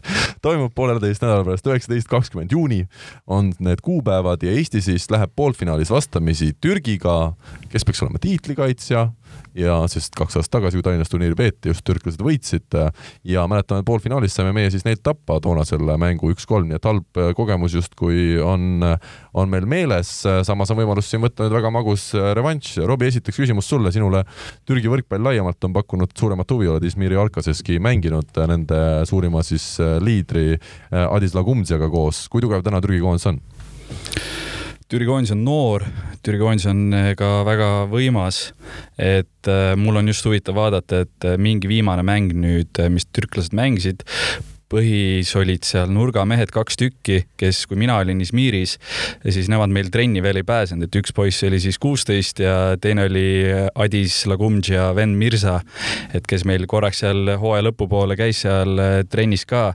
aga et kui kõvasti nad nüüd nende aastatega on arenenud siin ja siis see teine nurgamees, keda ma mainisin, Efe, et eh, tema oli tegelikult hooaja vältel diagonaalis hoopis ja, ja et noh, tundub Türgi näol võistkond, keda võiks võikski meie sihuke hea kvaliteetne varieeriv serv murda. kuid jah, et seal seda rünnaku power'it on kõvasti, et seal tulebki hakata kõigepealt Adise pidurdamisega pihta ja siis kõik need nurgamehed ka veel takkaotsa. Lagumtsev vist äh, oma nende kuldiga mängudega kõige rohkem ülekaalub, kõige rohkem punkte üldse kõikide alagruppide peale, sada seitseteist. kas tähendab seda, et kui meil on Venno väljakul, siis on Eestil suhteliselt sarnane mäng nagu on Türgil, ehk siis väga paljud tõstjad lähevad diagonaalründajale? Ma arvan, et see Belgia mäng, kus Viiber lasi viiskümmend tõstet Oliverile, on pigem erand kui reegel, et ma ei usu, et nüüd noh, muidugi kui vennal on päev ja näed, et sealt ainult tuleb, et siis tasub sinna muidugi anda, et aga aga ma arvan, et Eesti koondise relv ikkagi jätkuvalt on see ühtlus ja igalt poolt peaksime me ohtlikud olema, et, et seal Final Fouris midagi korda saata. ja ütleme siis ära ka teise poolfinaalpaari, kes Kortrikis hakkavad siis finaali koha eest mängima, need on Ukraina Ukraina ja Belgia. me teame siis seda, et Belgial kaks tugevamat sidemängijat on vigastusega eemal ja ka finaalturniiril nad mängida ei tohiks, nii et belglased peaks olema samases, sarnases koosseisus, nagu nad olid siis Tartus siin esimesel alagrupiturniiril kas see on kindel, et äh, sidemängija Tulst ei, äh, ei mängi seal, sest ma nägin äh, mingit videot kuskil Instagramis, et mees loopis neid palle sinna rõngasse, äh,. rääkisime koondise siis abitreener statistiku Alar Rikbergiga ja tema arvas vähemalt nii, aga, aga võimalik, et, et selleks finaalturniiriks on seal siis natukene juba midagi muutunud aga ma arvan, et see selgub meil ilmselt aja jooksul, kui on tegu vigastusega, võib-olla ka, et, et päris täpselt ei tea veel keegi belglastestki, kas ta, kas ta seal mängida saab. aga teine asi on see, et Van den Dries, äh, diagonaalründaja, võib olla siis selleks turniiriks äh, belglastel samuti juures, aga seegi on veel vist natukene lahtine, et neid, neid koosseise meie täpselt ei tea, kellega siis belglased seda kodus finaalturniiri plaanivad mängida? No ma usun, et neile oleks väga vaja siin, nagu nad tahavad midagi suurt korda saata, just seda diagonaali, Van den Driesi ja sidemängijat Hulsti, et ja muidugi ka Sam Derud, et, et see, nende kolme mehega selle Belgia nägu muutub. Sam Deru siis jättis selle Liepajas peetud teise alagrupi turniiri osa vahele, läks koju, polnud ta siis naist ja lapsi äh, näinud äh, peaaegu aasta, kui Venemaal mängis, siis need koroonapiirangud olid lihtsalt sedavõrd karmid, et, äh, et anti siis võimalus puhata ja finaalturniir finaalturniiriks peaks see võimas ründamees olema tagasi väljakul. mis me Ukraina kohta ütleme, Ukraina peaks nüüd olema siis täiskoosseisus, ma saan aru, kuldliiga finaalturniiril, väga ohtlik jõud. kindlasti, kuid kuuldavasti nad ei ole väga veenvad olnud siin mängupildi järgi alagrupi turniiril. et ja noh, neil üks tugev vastane, Holland siis ostis endale siis koha teatavasti maailmaliigasse, et neil oli ka mänge nüüd natuke vähem, et aga kindlasti tegemist on niisuguse väga ohtliku jõuga just seal Final Four turniiriks, et et need diagonaalründaja seal ja kaks nurgameest, et, et sealt eh, võib minna keeruliseks nende pidurdamisega, kuid jah, nendega loodetavasti saame alles vastamisi finaalis. kas sa, Robbie, julged täna välja öelda, kes on selle finaalturniiri favoriit, kuigi jah, nagu me ütlesime ka, me päris täpselt veel koosseise ei tea, aga julged sa siin öelda, kes on kindlasti võib-olla natukene tugevam kui keegi teine, minule tunduvad need neli võistkonda suhteliselt võrdsed täna jah, ma arvan ka, et äh, väga lahtised on kohad kõik äh, esimesest neljandani. Äh, kui Eesti siin lugesin ka ja rääkisin meestega, et äh, ütlesid, et türklased oleks niisugune ideaal, ideaalne vastane, siis äh, mina peaks võib-olla ka Türgit natukene favoriidiks, kes näitasid äh, kolme tugeva koondise vastu mängu, et nad võitsid ju praktiliselt kaks game andsid äkki ära. just, terve turniiri peale, kuue mängu peale, jah. no näha on, et need mehed on seal heas hoos. kui muidugi belglastel oleks kogu sats oleks olemas, siis peaks olema nemad kindlasti need favoriidid no ja sama võib Eesti kohta jälle öelda, kui meil oleksid kõige paremad mehed äh, ka koos, eks ole, siis jälle me oleksime veel grammi võrra tugevamad. no ja sinna taha on tegelikult ja üldse, et kes on puudu ja nii edasi, et see on täiesti mõttetu teema, et on need mehed, kes seal on, jah. ja kõige tähtsam on ikkagi see, et äh, Kuldliiga finaalturniir ka e-, Euroopa meistrivõistluste finaalturniiri osas peaks meile nüüd andma siis selle päris õige selguse, et mis seisus see tänane koosseis on ja mis tasemel see tänane koosseis on, et kui meil ikkagi Läti, kes jäi lõpuks meie alagrupis selgeks viimaseks, no seal olid enamjaolt ju noh, sisuliselt kõik olid Läti kohaliku liiga mehed, äh, sealt ei saa me suurt pilti Eesti koondisest, kes täna ikkagi püüab meil väga, väga arvestataval tasemel vastaseid alistada sügisel, et äh, et ma arvan, et see kuldliiga võib anda meile päris palju, aga samas seal on kindlasti väga väheses kinni, türklased ka noored, kas neil noortel meestel hakkab mäng sujuma, mitte, seal on, võib väga väga väheses tõesti kinni olla see, kas me saavutame sealgi suurt edu ja oleme rõõmsad või kaotame poolfinaali ja, ja hakkame asju pakkima. mis on nüüd selge kahjuks, on see, et me ei saa siis äh, rahvuste liigasse taas pääseda vana nimega maailmaliigasse, et mina arvan, et selleks ajaks, kui Eestil lõpus, lõpuks see võimalus tekib, mil FIVB ja kõik teised organisatsioonid äh, oma muudatustega jõuavad nii kaugele, et lihtsalt mänguliselt ka sinna jälle oleks võimalik pääseda, on juba Rivo võib-olla lapselapsed seda saadet tegemas on ju keeruline see olukord, noh äh.... mängid jälle kuldliigas, üritad, meil on hea koosseis ja ei saa jälle. nüüd on külmutatud siis koroona pärast see euro. arusaadav jah, aga see on, see on jälle alaliitude poolt peaks olema see surve sinna, et seda süsteemi teha nii, et oleks kõigil võimalus. ma arvan, et see tuleb sealt, aga ma saan aru, et see suur organisatsioon on, teeb oma asju nii nad nagu nemad teevad. Nad teevad täpselt nii, nagu tahavad asju, täpselt nii, nagu tahavad, et äh, tehakse nii, nagu on kasulik, kahjuks on see mingi hetk, on see poliitiline otsus, on ju. sest kui ma võtan nagu noh, saali võrkpallis, ma võtan nagu rannavõrkpalli MM-i rannavõrkpalli MM-i, noh, see on ajuvaba turniir mm. -hmm. kus on need suvalised paarid lastakse peale, jah? kaksteist võistkonda umbes on sellised, kes äh, kaotavad sul esimeses ringis ja teises ringis saavad alla kümne punkti mm. -hmm. mis maailmameistrivõistlustest me räägime? nojah, aga seal on vähemalt see osa, et äh, seal tahetakse seda riike lasta peale, eks ole, kellel ei ole võrkpalliga nii populaarne, aga Eesti koondis ei mina... no võrkpall populaarne populaarsuseks, ega kui sa, kui sa lased sealt äh, ei, ma olen sinuga kõigega nõus Vaba,. vabandust väljendusest on ju, kui sa lased äh, ükskõik mis, Somaaliast lased võistkonna peale, eks ju, sa maksad neile kõik kinni, nad sõidavad kohale sinna, mängivad oma ühe turniiri ära, saavad kaks mängu kakskümmend üks, kolm, kakskümmend üks, neli peksa kas on populariseerimine, see ei ole populariseerimine, nad lähevad koju tagasi ja nad ei mängi enam kunagi, nad ei tule maailmakarikat tapma, neil ei ole raha lihtsalt, ongi kõik no,. Somaalia piraadid, siis tuleb sinna. aga, see, seal ongi see, et, et toetage seda kohalikku infrastruktuuri, tehke seda koha peal mm, -hmm. mitte ärge, ärge võtke nagu ära nendelt inimestelt võimalust, kes tõesti nagu käivad ja mängivad. ma arvan, et see on ka rahaga kuidagi seotud. see, miks neid nii palju sinna peale lastakse see on puhtalt hääletamise küsimus, see on, see on vali, valimiste küsimus mm., vähemalt see, mis rannavõrkpallist on sada protsenti valimised. Aafrikas on nii palju riike, kes on FIVB osali, äh, kes on FIVB-s nagu registreeritud ja kes aasta või nagu presidendivalimistel hääletavad. ja kui sul on äh, nelikümmend riiki ja sa saad sealt nelikümmend häält kahesajast, see on mm. väga suur arv ja siis sa panedki, no tulge mängige paar turniiri, maksame asjad kinni, aga hääletage minu poolt, onju. see on puhas poliitika.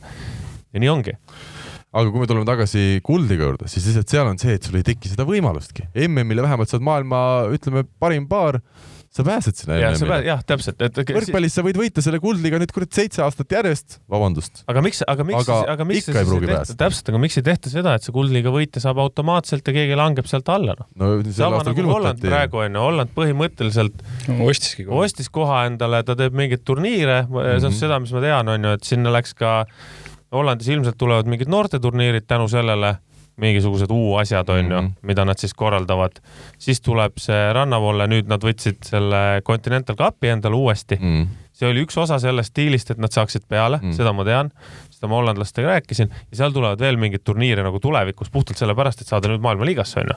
aga see, see on ajuvaba, see on täiesti ajuvaba, no miks siis Eesti, davai, me anname miljoni, me tuleme ka mängima noh. jah, aga see ma lihtsalt ütlen, et eks ole, Kuldliga võitja, täpsustuseks enda jutule ka, et äh, mitte Kuldliga võitja ei oleks pääsenud, vaid siis oleks tulnud see Challenger Cup veel pärast Kuldliigat. no mida, mida iganes, mida iganes, et, et see, et see asi võiks jääda nagu, ta võikski olla siis nagu mingisuguse lisaboonusega onju. Sest kui sa nüüd jääd mängima seda kuldliigat niimoodi, et sa mängid seda alagrupi onju maikuus ja juunikuus mängid finaali, siis äh, mingi hetk see turniir ja iga aasta paned, see mingi hetk muutub see mm. mõttetuks, see on nagu hoki MM noh. Mm. hoki MM, ma, ma, ma ei ma ei kunagi jälgisin, ei viitsi lihtsalt. mul täpselt sama, keegi ei mängi seal, sest keegi ei viitsi Jah. mängida peale hooaega siis mingi teisejärgulised mehed on igal pool täpselt ja, ja koondistes. iga aasta on nagu turniir, pointless, täiesti pointless, et et tehke siis kuidagi, kuidagi, kuidagi seal peaks olema mingi asi, et noh, ma jälgin seda Eesti koondist on ju, oh äge, Eesti koondis paneb ja eriti kui sul on praegu EM-iks valmistumisel on ülitähtis, sa saad nagu häid mänge, saad nagu võistluspinget, aga kui sul EM-i või midagi ei ole sellel aastal, siis ta on üsna sihuke Mhm. nagu noh, mõttetu turniir on nagu halb öelda, aga sinna, sinna lihtsalt ei tule tugevaid mängijaid. Mhm. jah, täiesti nõus, et ta ikkagi mingi aeg ammendab ära ennast ja eriti veel jah, kui tegemist, kui on veel tugevamaid nii-öelda sarju, kust äh, jah, et, et tõesti peaks see mingi sild sinna vahele, loodetavasti tekib see uuel aastal jälle. sest mu- muidu ma usun, et siin äh, osad mängijad äh, oleks lihtsalt jätnud selle kuldliiga vahele, vanemad, no kasvõi Kreegid ja need on ju, et oleks öelnud, et ah tühja, et mis ma siin ikka, ma pigem puhkan ja valmistun oma klubi hooajaks, kui mul MM-i või midagi seal sügise poole ei ole. et miks ma pean ennast lõhkuma ja rapsima sinna. aga ma ütlen nüüd prioriteet, jaa, palun lõpuni. ei lihtsalt, et äh, aga lõpuks on äh, tore, et see, see sihuke liiga tegelikult ka on, et, et kui sulle ikkagi lõpuks midagi kaela riputatakse, siis see on äh, sihuke väga-väga, see on see, mille nimel seda asja teha. ja seda on Eesti koondise puhul olnud näha, kes siis kaks korda on Kuldliigaga võitnud, see emotsioon, et ikkagi sa saadki reaalselt selle koondises tehtud töö eest midagi kätte, on mingi autostamine, et sa niisama ei, ei mängi aastaid mänge ja ei proovi tunda üheteistkümnenda koha üle sedasi rõõmu. aga väike lihtsalt selline tähelepanek siin, et kui me rääkisime maailmaliigast ja selle tähtsusest, et et siis Lincoln Williams, Austraalia koondise liider, diagonaalründaja, tema mõtles ka, et ei lähe, ei lähe sinna rahvuste liigasse sel aastal, mängib Kloogaranna vollefestivalil oma naisega segapaaride turniiri, et vot need on prioriteedid, Rivo, eks ole. jah, valikute küsimus on ju. maailmaliiga, mis see siis ära ei ole, aga vot tule, tule Kloogaranda, mängi, võida seal, eks ole. Williamsid äh, jäid veerandfinaali pidama. no kuule, et no loom-, see on loomulik. no loomulikult, sest ei tule saalist ju kohe randa See- ja sedasi hakka võitma Eestis turniir. välistatud. uskumatu. maailmaliigas võid nii kus teha. mis võistkonnas ta üldse mängis? noh, see on Prantsusmaa parima klubi, Cannes'i No, vedas jah meistriks see pole mingi tase veel ju. järgmine aasta Koreas noh, täpselt mm., täpselt. no võib-olla nüüd Kloogaranna turniiri võib, võib-olla nüüd ei saa enam, võib-olla öeldakse leping ülesse peale sellist turniiri Kloogarannas. ei, no just jah. ma küsin vahele, et kas Austraalia olümpial on võrkpallikoondis, ma praegu ise ei mäleta. ma arvan, et on, ma arvan, et on, ma arvan, et nad selle läbi oma Aasia kvalifikatsiooni ikka saavad. tõenäoliselt äh, jah, tahaks, et siis on väga kahtlane otsus minu arust, et kui sa, kui sa maailmaliigat ei mängi, et see olümpia võiks olla see motivatsioon, et miks seda maailmaliiga kaasa teha, et seda näha poolakate puhul, et kõik mehed tahtsid sinna maailmaliigasse, sinna mulli sisse minna selleks pooleteistkümneks kuuks ja, ja kõik väga näljaselt mängisid ka Rivo tõi enne välja, et Belgia vastu mängiti neli sõpruskohtumist, kõik võideti ilmselge ülekaaluga ja näha oli, et ka kõige kogenumad koondise mängijad olid motiveeritud ennast heast küljest näitama peatreenerile, et, et sinna olümpiakoondisesse kindlasti pääseda. Aga saab siis kohe üle vaadata. Rivo, veel paar lauset lihtsalt jutu jätkuks, et ma jõuan samal ajal veel üle kontrollida, et mu info on õige Austraalia koondise. seal, seal võib olla muidugi ka see, et Äh, millal see lõpeb, see maailmaliiga üldse? ega Austraalia ei mängi olümpial. ei mängi, no siis, siis no, on selge. siis on, siis on lihtne, jah. teada jah, miks ta ilmselt seda. aga kas neil ei ole mingisugust veel mingit kvalifikatsiooni, et sinna peale saada? kõik on läbi juba, jah mm -hmm.? okei okay nii peaks olema küll. siis, siis, siis, siis on lihtsalt, siis on arusaadav, siis ta lihtsalt tahtis puhata ja, ja perega koos olla et.... jah, ja järgmisel hooajal mees siirdub ju Koreasse, et äh, lõunasse siis ikkagi, et, et ja, ja noh, ei tea, kas seal saab perekonna üldse kaasa võtta ja võib-olla tuleb see aastake seal üksi veeta. seal tuleb, äh, õlga tuleb hoida enne seda Koreasse minekut päris kõvasti, et seal, seal on viiskümmend pluss on iga mäng. kusjuures äh, Lincoln ütles, et, äh, et Sib-, noh, Siberis sai ka ju, on ta ju nüüd mänginud juba tänaseks, et tema ei kannatanud sekunditki seal, aga abikaasa Doris ütles, et kõige lahedam koht, kus ta on olnud, aga vist vahe tuli seal välja, et Doris käis korra külas. tundus jube vahva, sihuke ekstreemne, teistsugune. aga kui seal iga päev oled austraallasena, noh. üsna raske jah, üsna raske, need äh, isegi venelased ise ütlevad, et äh, sinna Fakelisse on ju kuskil Siberis, et nad ei kujuta ette, kuidas mängijad seal elavad ja, ja hakkama saavad, no need numbrid on lihtsalt nii palju nulle on taga, et tegeledki investeerimisega ka ja ja nii saabki. Venemaa majandus. ühesõnaga kokkuvõttes äh, mina tervitan siin Lincolni, kes pidi juba eesti keelest muide aru saama väga hea. et loodetavasti kuulab meid. väga hea. Äh, maailmaliigast see aasta, see süsteem on, me ennem just rääkisime ka, et see süsteem on nüüd nii, nad nagu kogu aeg pidevalt mängivad, on ju, et ei jõuagi jälgida, et ma paari mängu olen nagu natuke näinud mingit statistikat, aga. kõik vist mängivad omavahel läbi kuusteist koondist või? kogu aeg mängivad. seal mulli sees esmaspäevast esmaspäev, teisipäev, kolmapäev, siis mängivad naised ja neljapäev, reede, laupäev või reede, laupäev, pühapäev äkki, et üks vaba päev on seal vahel ja mängivad mehed ja nii nad tulistavad seal jah, kogu see omavahel läbi, et viisteist mängu siis. jõuad sa vaadata, Robert, neid mänge või need on liiga palju isegi sinu jaoks? see on jah, et liiga palju isegi, isegi minu jaoks, et kindlasti klubi hooajal, kui on seda vaba aega võib-olla natuke rohkem, et eh, siis ma jälgiksin eh, pingsamini, kuid eh, mõnda mängu ma olen näinud, aga, aga ka see, et kui palju varieeritakse seal koosseisudega ja kui vähe mänge mängitakse põhijõududega, et ka see tõmbab seda vaatamiskihki maha, ütleme niimoodi, et. jah, sa ei tea, sa ei tea kunagi, vaata, kes peale läheb, onju. et mm. äh, neid mänge ongi, aga see on arusaadav, vaata mänge on nii palju järjest, et nad ei saa panna ühe koosseisuga, et need sureks ära. aga kui lühidalt kokku võtta, siis Leon on kunn ja kõik. jah, kuigi, kuigi Poola siiski kaotas sloveenidele ja need sloveenid on poolakaid eh, varasemal kahel EM-il siin kõvasti kiusanud, ütleme niimoodi, et need eh, pulgakommi seal mitu korda suust ära võtnud ja ka seekord maailmaliigas, et eeldaksin, et Vital Hainen eh, tahtis kindlasti Sloveeniat paika panna seal, kuid jah, põhimehi, okei okay,, Leon istus see mäng, aga, aga siiski sloveenid jäid järjekordselt peale ja kui pulgakommist juba juttu oli, siis ütleme, et äh, Poola siis jäi ühekülgseks nagu hambahari mm. -hmm. muidugi, vaata, sa mainisid seda Lyoni kolmteist ässa, onju. siis minu arust ta järgmine mäng pani kohe seitse ja pluss kakskümmend viis või? või tõi kakskümmend viis punkti kellegi vastu kolm-üks nad seal võitsid, ma ei mäleta. seda ei tohigi igas mängus väljakule lasta, muidu vastased järgmine aasta loobuvad ise kõik rahust. ei no see on ajuvaba, kui sul tuleb üks mees ja sa oled juba põhimõtteliselt game'idega üks-null ees on jah, oota, aga kuule, Robin. sul... vahetad kohe, vahetad pooled ära, enne kui game hakkab. aga ma ütlen lihtsalt, et Robil on olnud ju võima-, võimalus ka trennis sellise mehega koos olla. et äh, kuidas, kas te käisite kiivriga trennis või? Ei maksa seda nüüd jah üle ka panna, et, äh, et jah, tal on äh, tugev serv, see isegi eristub siin natukene võib-olla tõesti teistest äh, servidest, kuid sinna ligilähedale või ütleme, et alates sada kakskümmend kilomeetrit tunnis on nagunii see sihuke pomm, et, et seal ei ole vahet, et kas see on nüüd sada kakskümmend viis või on sada kolmkümmend, et seda enam erilist vahet sealt ei tunne kätte said mõne Leoni servi aastaga Perugias? ei, mitte ühtegi saanud. kuule, come on muidugi, muidugi saad kätte neid serve, et eks sa ka harjud ära ja, ja nagu ma just ütlesin, et alates sada kakskümmend on see serv nagunii väga-väga raske kättesaamiseks. me ei usu sind me ei usu kedagi, Leon servib, siis ei saa ükski inimene seda kätte, me ei usu mitte kedagi enam, ärge rääkige. kas käed on valusad ka, kui tuleb sada kakskümmend pluss serv või sa oled nii harjunud juba käed, et vahet pole? Ei, ei saa jah, see käed on nii harjunud, et pigem mul oli küll Perugias sihuke asi, et kui me pallimasinat tegime, siis pallimasin oli ka alati põhja pandud ja, ja kui seal mingi periood seda sai rohkem tehtud, siis mul tekkis täitsa põletik sinna kätte, et et seal mingi nädal aega taastusin sellest, aga, aga et siis, siis kui see käsi põletikus oli ja siis neid nii Lyoni kui Atanasjevitsi serve siis seal vastu võttes, et, et see, see andis kõvasti tunda. kumb on Rivo, mis sa arvad täna kõvem, kas pallimasin või Leon? See on väga hea küsimus Leon, muidugi. siis tema servi ei saa keegi kätte pallimasina servi saavad kõik kätte. selge, me ei kiusa rohkem Robit, me teame, et ta tegelikult saab ka Leoni serve kenasti kätte.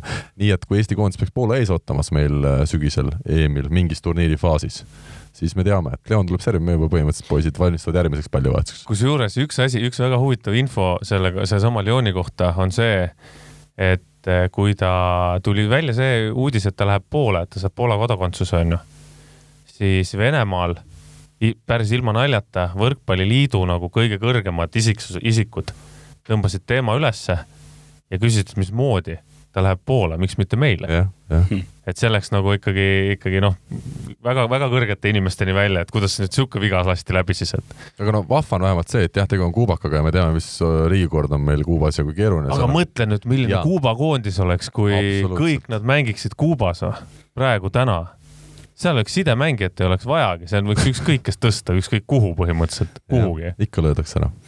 aga Leoni puhul see Poola kodakondsus nagu jah, ei tule üldse üllatusena, sest tal on naine on poolakas, tal on lapsed äh, poolakad ja. räägib ka poola keelt ta räägib poola keelt täitsa, täitsa puhtalt jah, ja, ja, ja noh, selle, selle koha pealt on ta üldse tubli, et ta räägib puhtalt ka itaalia keelt, inglise keelt äh, ja vene keelt. Eesti keeles ta mõne sõna ta lõpetasid seal Perugia hooajal kui ta tähelepanelikult kuulas, siis ta kuulis nii mõndagi eestikeelset sõna seal äh, päris tihti, jah. peale, peale esimest serverit tuleb, kas sa tõesti kõvemini ei saa? Rovi võttis silged, silged jalgadega oh.. aga meil on aeg tänase saatega liikuda edasi, sest äh, me võtame ette kohe Rivo lemmikteema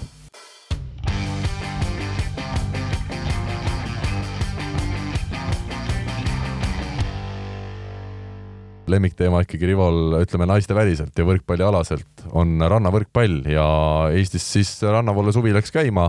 eelmise nädalavahetusel Tartus peeti hooaja esimene Eesti karikavõistluse etapp, kokku neid etappe on kuus ja esimesel etapil siis naistest võidukad Helene Ollas, Liisa Soomets, meie esipaar alistasid siis oma peamise rivaali Renate Pika, jõudid Kure Pohhomovi finaalis võrdlemisi kindlalt, aga võib-olla Pika ja Kure Pohhomovi jaoks oli, oli erilisemgi see poolfinaal, kus siis äh, tugevatest lätlannadest Krastina ja Ozolina saadi jagu, et see oli selline naisteturniiri suurim üllatus, arvestades seda, et Kure Pohhomo ja Pikk olid ise avamängu seal neljateist-viieteistaastastele Eesti noortele kaotanud. Äh, Rivo, mida sina naiste hetkeseisu kohta ütled, kas sa jõudsid ka midagi jälgida, milles seis nüüd Ollas Soomets meie esipaar võiks olla? minule nad jätsid sellise sümpaatse mulje, aga samas ei saanud ka päris sellist tugevat, tugevat äh, ju vastast proovida, et, et tahaks näha, mida nad teeksid ikkagi rohkem siis, kui on rohkem rahvusvahelisi mänge. noh, ma nii palju ei jõudnud jälgida seda, natukene mingeid asju nägin seal, mingeid videoklippe. Äh, tore on see, et nad teevad, need kaks paari teevad, on ju, aastaringselt tööd, näha on, et äh, Liisa-Helene on, on füüsiliselt nagu hakanud ka vormi koguma natukene ja on, on, läinud vähe tugevamaks äh, ja liiguvad natuke kiiremini väljaku peal tehnilisi probleeme on, on mõlemal võistkonnal kuhja ka, et see, need liikumised ja asjad, mis, mis nii palju, kui ma nägin, siis sealt, sealt on ikka nagu timmida kõvasti mm. -hmm. üldist taset, äh, üldine tase on kehva, päris, päris ausalt ütlen, et äh, näha on seda, et inimesed teevad, teevad ilma, põhimõtteliselt ilma juhendamiseta näha on seda, et inimesed teevad nagu, mõtlevad ise välja mingeid asju ja, ja peavad ise jõudma mingite otsusteni, onju mis mõne koha pealt on õige, teiselt poolt on jälle vale, on ju, et kui sul on keegi, kui sul on keegi, kes vaatab mängu kõrvalt ilma emotsioonideta ja näeb nagu tervet täispilti ja, ja ütleme sellist mustvalget pilti, on ju, siis sealt saab välja lugeda nagu ülipalju asju, mida saab paremaks teha. hea meel on noorte üle, et noori on, kes tahavad mängida, see on väga kihvt, et nad tulevad turniiridele mängima, julgevad tulla, et ei ole nii, et ah, mis me sinna lähme, on ju, me kaotame. selle üle on hea meel Äh, ja noh, harrastajad minu arust ka, et kui me vaatame naiste, vaata, meil on ju rääkinud siin Meis Merilaine ka, et veel mingid aastad tagasi oli noh, küsimus, kuidas kümme paari kokku saada naiste turniiril Eesti karikavõistluste etappidel. täna meil oli vist naistes kakskümmend neli osalejat, ehk siis laupäeva varahommikul läks lahti kvalifikatsioon. Ja ma julgen väita, et kõik need paarid, kes seal ikkagi osalesid, saavad ka enam-vähem harrastaja tasemel sedasi korralikult vastu, et nad tegelevadki harrastajatena päris juba sedasi tõsiselt äh, rannavõrkpalliga, et samas terases on, eks ole, pundid, kes naised treenivad, Ülemisel teistel on, äh, eks ole, osad, kes käivad seal jah. terve talv läbi, et, et see ei ole enam selline, et tulen suvaliselt kuskilt saalist ja, ja teen midagi, vaid, vaid tegeletakse selles suhtes asjaga, samas selge on see, et neil on äh, kuskil see lagi ees taseme osas. ja, aga harrastajatele mina soovitaksingi seda, et nad äh, teeks trenni treeneriga, nad mhm. saavad mm. nagu hoopis teist asja, sest kõige, kõige nagu suurem noh, alati on see küsimus, et kui ma küsin, et no kuidas läheb ja mis te teete ja nii ja naa, ükskõik mis harrastajate käest on ju, et palju te trenni teete, on ju. oi, me teeme kõvasti trenni, me teeme viis korda nädalas teeme trenni, on ju. siis mis trenni te teete, siis no me mängime viis korda nädalas, no see, see, see trenn trenn on trenn, on ju, trenn on see, kus sa teed tuhat tõstet ja kaks tuhat altsöötu, on ju, et sealt, sealt sa saad paremaks, et see mängimine viibki su mingisse kohta yeah. ja edasi sealt ei lähe, sa, Karl, tead ise seda, on ju, et kui sa teed ikkagi trenni, trenni siis sa teed puuteid, sa teed tehnikat, on ju, ja sa, sa liigud nagu edasi mingitesse kohtadesse mm. -hmm. kui sa mängid lihtsalt, siis puuteid on vähe, sinu puhul sa saad muidugi enamus puuteid, tõsta sa ei oska, sest kõik servivad sinu peale.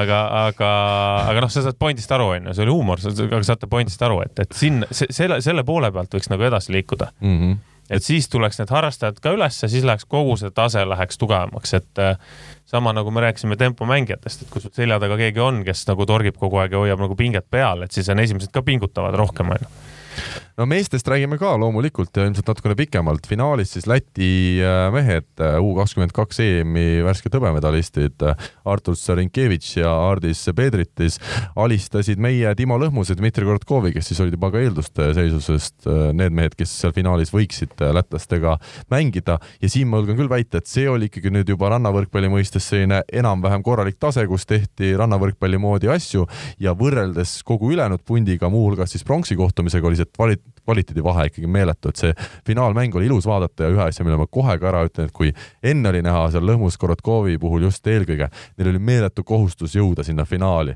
kõik need mängud eestlaste vastu, isegi meie Karl-Jaaniga mängisime seal teise game'i suhteliselt võrdselt nendega, kui tasemevahe on ju tegelikult kokkuvõttes meeletu. et oli näha, et neil oli ka kerge närv sees, et nad peavad sinna finaali jõudma ja kui nad finaali jõudsid, siis mulle vähemalt tundub, et nad said vabalt lõpuks mängida ja mängisid oluliselt ilusamini.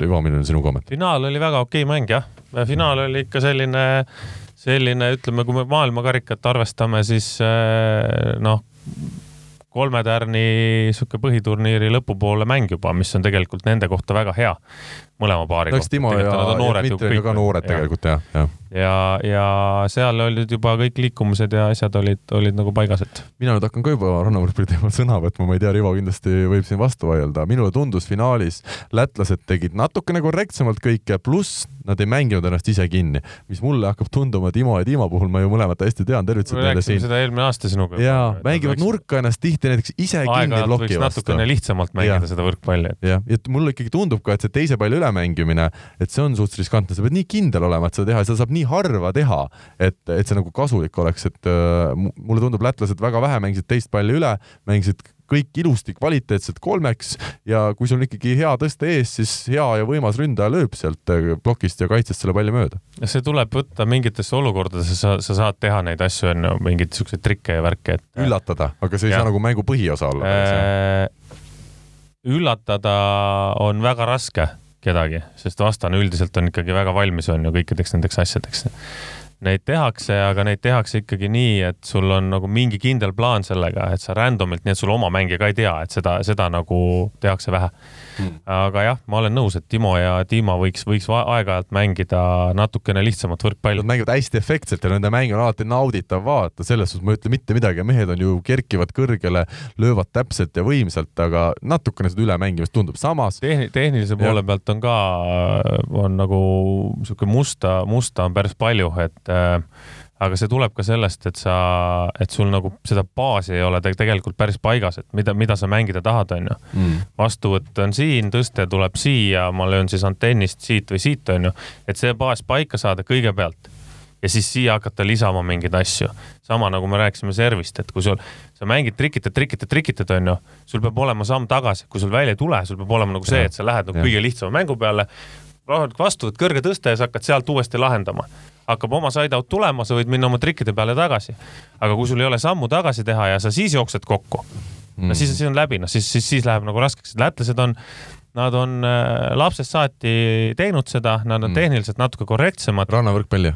lapsest saati need mõlemad jah? jah, jah pluss ma tean seda, et nemad olid kogu talve sisuliselt Hispaanias laagris, ehk siis nad olid päikse käes, nad olid tuule käes mm, -hmm. samal ajal kui Korotkov lõhmus ikkagi noh, väga suure osa talvest olid ju siin sisehallis ja, ja see on, see on ikka hoopis teine no, maailm tegelikult. aga see, see on jälle see, et see on jälle see, et kuhu poole nagu võiks pürgida kogu selle süsteemiga onju ja et sa saadki need noored ka sihuke kuuks-kaheks saad kuskile välja ja saavad nagu normaalselt trenni teha, onju. Need poisid tulid U kakskümmend kaks EM-il tulid teiseks, äh, eks. Äh, et sa saadki, saadki nagu minna törtsu professionaalsemaks, et äh, mul, mul üks plaan peas on praegu, et ma nüüd see nädal tahaks kokku saada ühe, ühe hea inimesega, kes tahab võrkpalli aidata natuke ja, ja on, on üks, üks sihuke plaan, et teha projekt täpselt sellele vanusele mm., sihuke kaheksateist kuni kakskümmend kolm on ju, et, et teha sinna nagu projekt, leida toetajaid neile, et nad saaksid teha pea, noh, põhimõtteliselt nagu klubi on ju, kui praegu noored lähevad kuskile saaliklubisse, istuvad pingi peal, saavad mingisugust raha, et siis sama süsteemi teha, osad tuleksid. Need pingu, istuvad pingi peal rannas või? jah.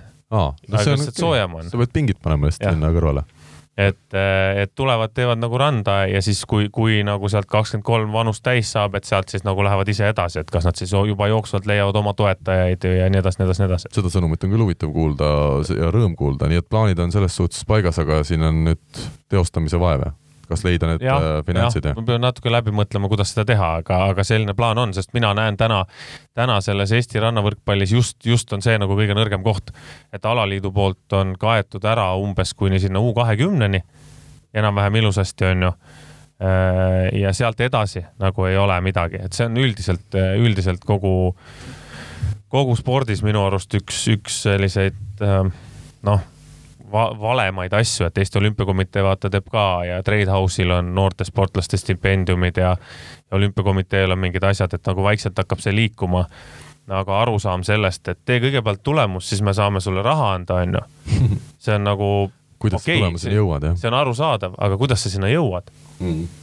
Kui sul ei ole mingit abi, kui sul ei ole midagi, siis, siis ongi nagu raske jõuda sinna tulemuseni, siis ja see ongi see minu mõte, et panna nagu siia natukene toetust ja siis nagu tänu sellele tuleks järelkasv, tänu sellele tuleks tuleks ka tulemused siis nagu täiskasvanute klassis. nii, aga nüüd tuleme pronksi kohtumise juurde ja meil Robiga õnnestus seda mängu isegi Postimehe vahendusel kommenteerida. Robil juba kisub äh, nägu naerule, sest noh, see oli mitte naerule halvas mõttes, vaid muigele ütleme, sest see oli tõesti ütleme, võrkpallietendus kõige paremas mõttes. kaks tubli noortepaari, Jaan Rebel, Kris-Karlis Lepp ja Kaur-Erik Kais, Rasmus Meius mängisid kolm geimi ja mehed metsast ehk siis Rebel ja Lepp võitsid otsustava kolmanda game'i, olles taga üheksa, neliteist, kaitsti ära siis viis matšpalli ja võideti see otsustav game seitseteist, viisteist. Robbie, vot sihukest sporti meile meeldib vaadata.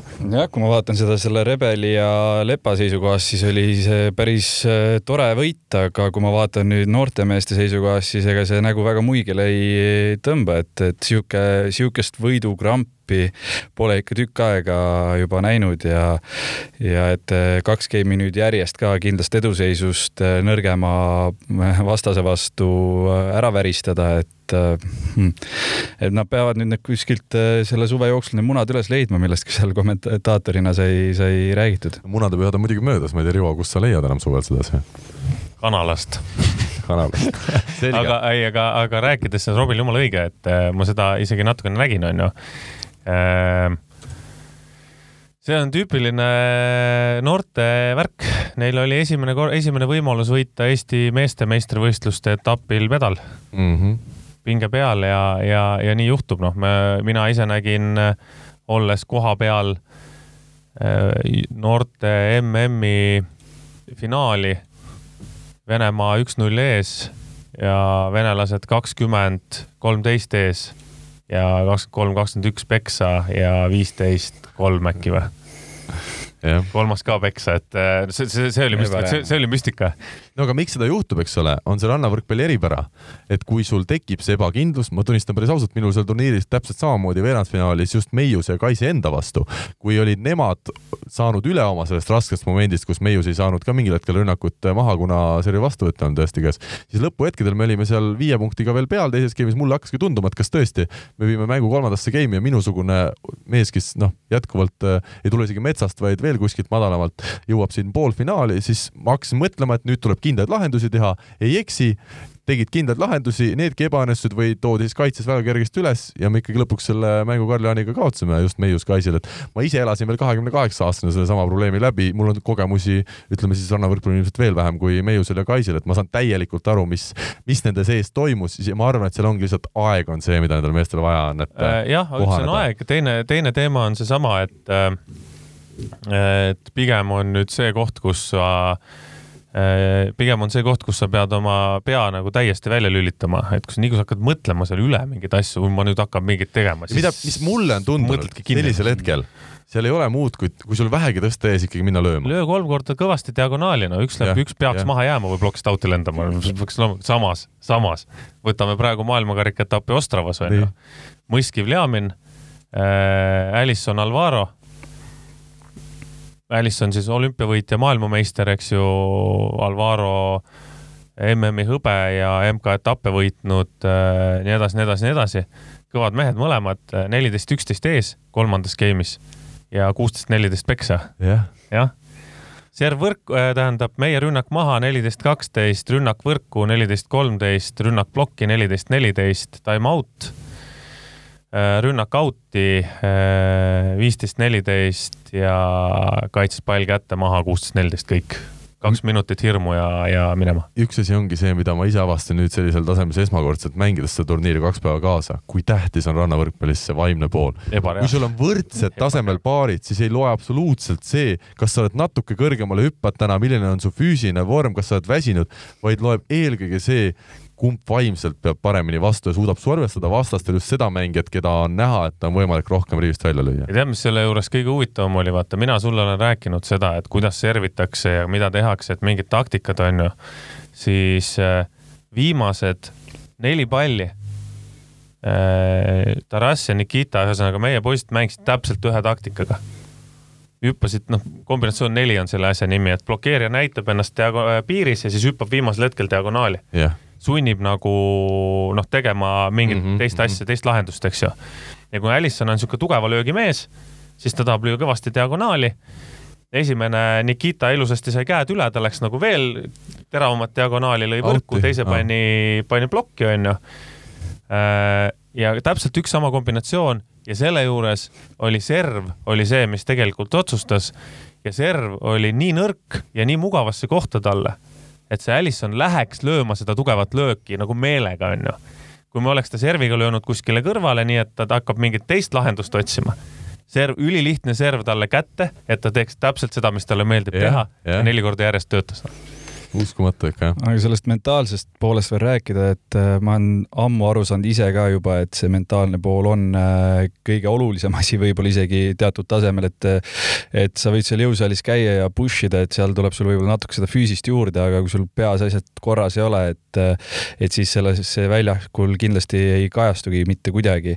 ja siinkohal ütleks ka noortele, et, et julgelt võiks pöörduda ka spordipsühholoogide poole, et see ei ole niisugune asi, et sa oled nüüd pehme või, või, või memmekas või mis iganes, eks, et mm, -hmm. et julgelt seda abi kasutada sealt ja, ja kui see sind edasi aitab, siis äh, miks mitte, teine teema on see, et noorte puhul ka et küsige, küsige vanemate mängijate käest, küsige treenerite käest, rääkige treeneritele, rääkige mängijatega, kui teil on mingi mure, noh. sest ega meie ka ei näe, me ei, me ei näe, mis on, toimub nagu mängija sees. me näeme seda, mis toimub, noh näiteks ma Venemaa koondisega mõtlen, ma näen seda, mis toimub trennis ja ma näen seda, mis toimub väljakul. ja ma näen, et seal on suur vahe sees. jah, meil on neli mängijat, kes käivad spordipsühholoogi juures praegu iga nädal korra vähemalt, kas on siis üle telefoniga kuidagi onju. Mm. me näeme seda vahet, et neil on mängus on, noh, mäng on kogu aeg stress, et sa oled pidevas stressi olukorras onju. et neil on mängus raskem kui trennides. kas, oot ma küsin vahele, kas mänguolukord on kogu aeg stress, mina ütlen ausalt, see nendel hetkedel, kui mäng toimis, noh, neid tuli ka juba turniiril sisse mõningad, siis see oli kõige suurem nauding, mis üldse saab olla minu arust. kui sa äkitselt tänu nendele õnnestumistele saad sellise enesekindluse kätte, see võib küll mõne, mõni hetk hiljem paari äh, ebatäpse vastuvõtuga kaduda, aga kui sul on see enesekindlus sees, siis see on ikkagi, see on see, miks seda sporti nagu teha üldse. ja aga, aga stress on ta ikkagi, et sa mängid ju võidu peale lõpuks kogu aeg, sa võib-olla endale en,, ise seda ei taju, sa endale seda ei ütle, onju. mina, ma läksin, lähen väljakule, kui ma lähen praegu väljakule, näiteks nüüd, kui meil oli seal maailmakarg, tegime soojendust venelastega, onju. kui ma astusin sinna peaväljaku peale, mina treenerina. Siis mina tundsin, et ma olen jumala õiges kohas. Yeah.. ma tundsin, et mul on jumala hästi kõik, ma olen nagu väga super, noh. Mm.. ma olen hea, mul, mul on mõnus olla, mul on nagu hea feeling. ja see on see, mis minu peas näitab seda, et mul on okei okay,, aga ma tean, et kui mul läheb mänguks, on ju siis on igal juhul stress, kas sa juhid, kas sa, kas sa ei juhi, sul, sa oled, alateadvuses oled sa stressiolukorras kogu aeg. ja see ongi see võti tegelikult, et kui sa seda pinget ja stressi suudadki nautida, siis kindlasti tulevadki need kõige ägedamad ja paremad sooritused välja.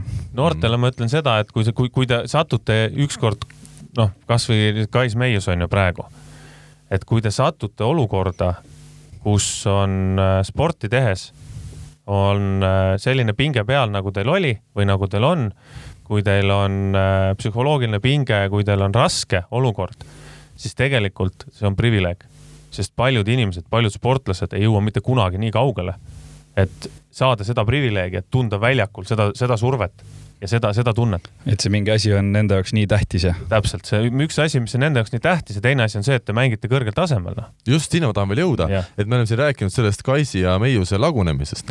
tegelikult läbi turniiri, mina julgen küll öelda, olles siin ka Kaisi Meiusega varasemalt enne turniiri teinud mitu trenni koos, et need mehed on võrreldes eelmise hooajaga kõvasti edasi läinud. Kais küll oli Pärnus varumees terve hooaja ja noh, Meius sai TalTechis ka väga head sellist kogemust, kogu aeg oli platsil, aga need mehed on oma liigutustes paremaks, kindlamaks läinud, nad on on läinud võimsamaks äh, füüsiliselt, tegelikult Meiu Skys, ma julgen öelda, nagu oli ka näha tegelikult, äh, nad võivad Korotkovi lõhmust äh, jalgpäeval võita ka, et siin. aga nad peavadki minema, see vanus on selline, et kui sa ikkagi iga päev teed, et siis sa peadki arenema edasi, muidu, muidu oleks mingi probleem, aga, aga tulles tagasi selle privileegi juurde, on seesama, noh, ma arvan, et sina oled tundnud seda, mina olen seda kindlasti tundnud, et, et sa tegelikult pead mõtlema ka sellele, et, et seda tunnet reaalselt kui sa astud väljakule kuskil Itaalia liigas onju, seda tunnet noh, üheksakümmend üheksa protsenti inimesi lihtsalt ei saagi. kuigi tahaks, kuigi tahaks. jah, need on need hetked jah, mille pärast sa seda asja tegelikult teed ja see, see on, see on privileeg, see on, see on tegelikult väga suur privileeg ja, ja inimesed võib-olla nagu mõistavad seda natuke teist, teist, valesti onju. Nad mõistavad, et see on halb, tegelikult ma arvan, et see on hea tead, see privileeg, isegi üks asi on Itaalia liiga, ma toon jälle oma näited siin sisse, kuna värskelt on need meeles. kui esimene mäng, läheme vastu, tuleb neljakümne kuue aastane Kaarel Kais, Rein Tiisaare, kes on ka Eesti meistrivõistlustel võitnud medali.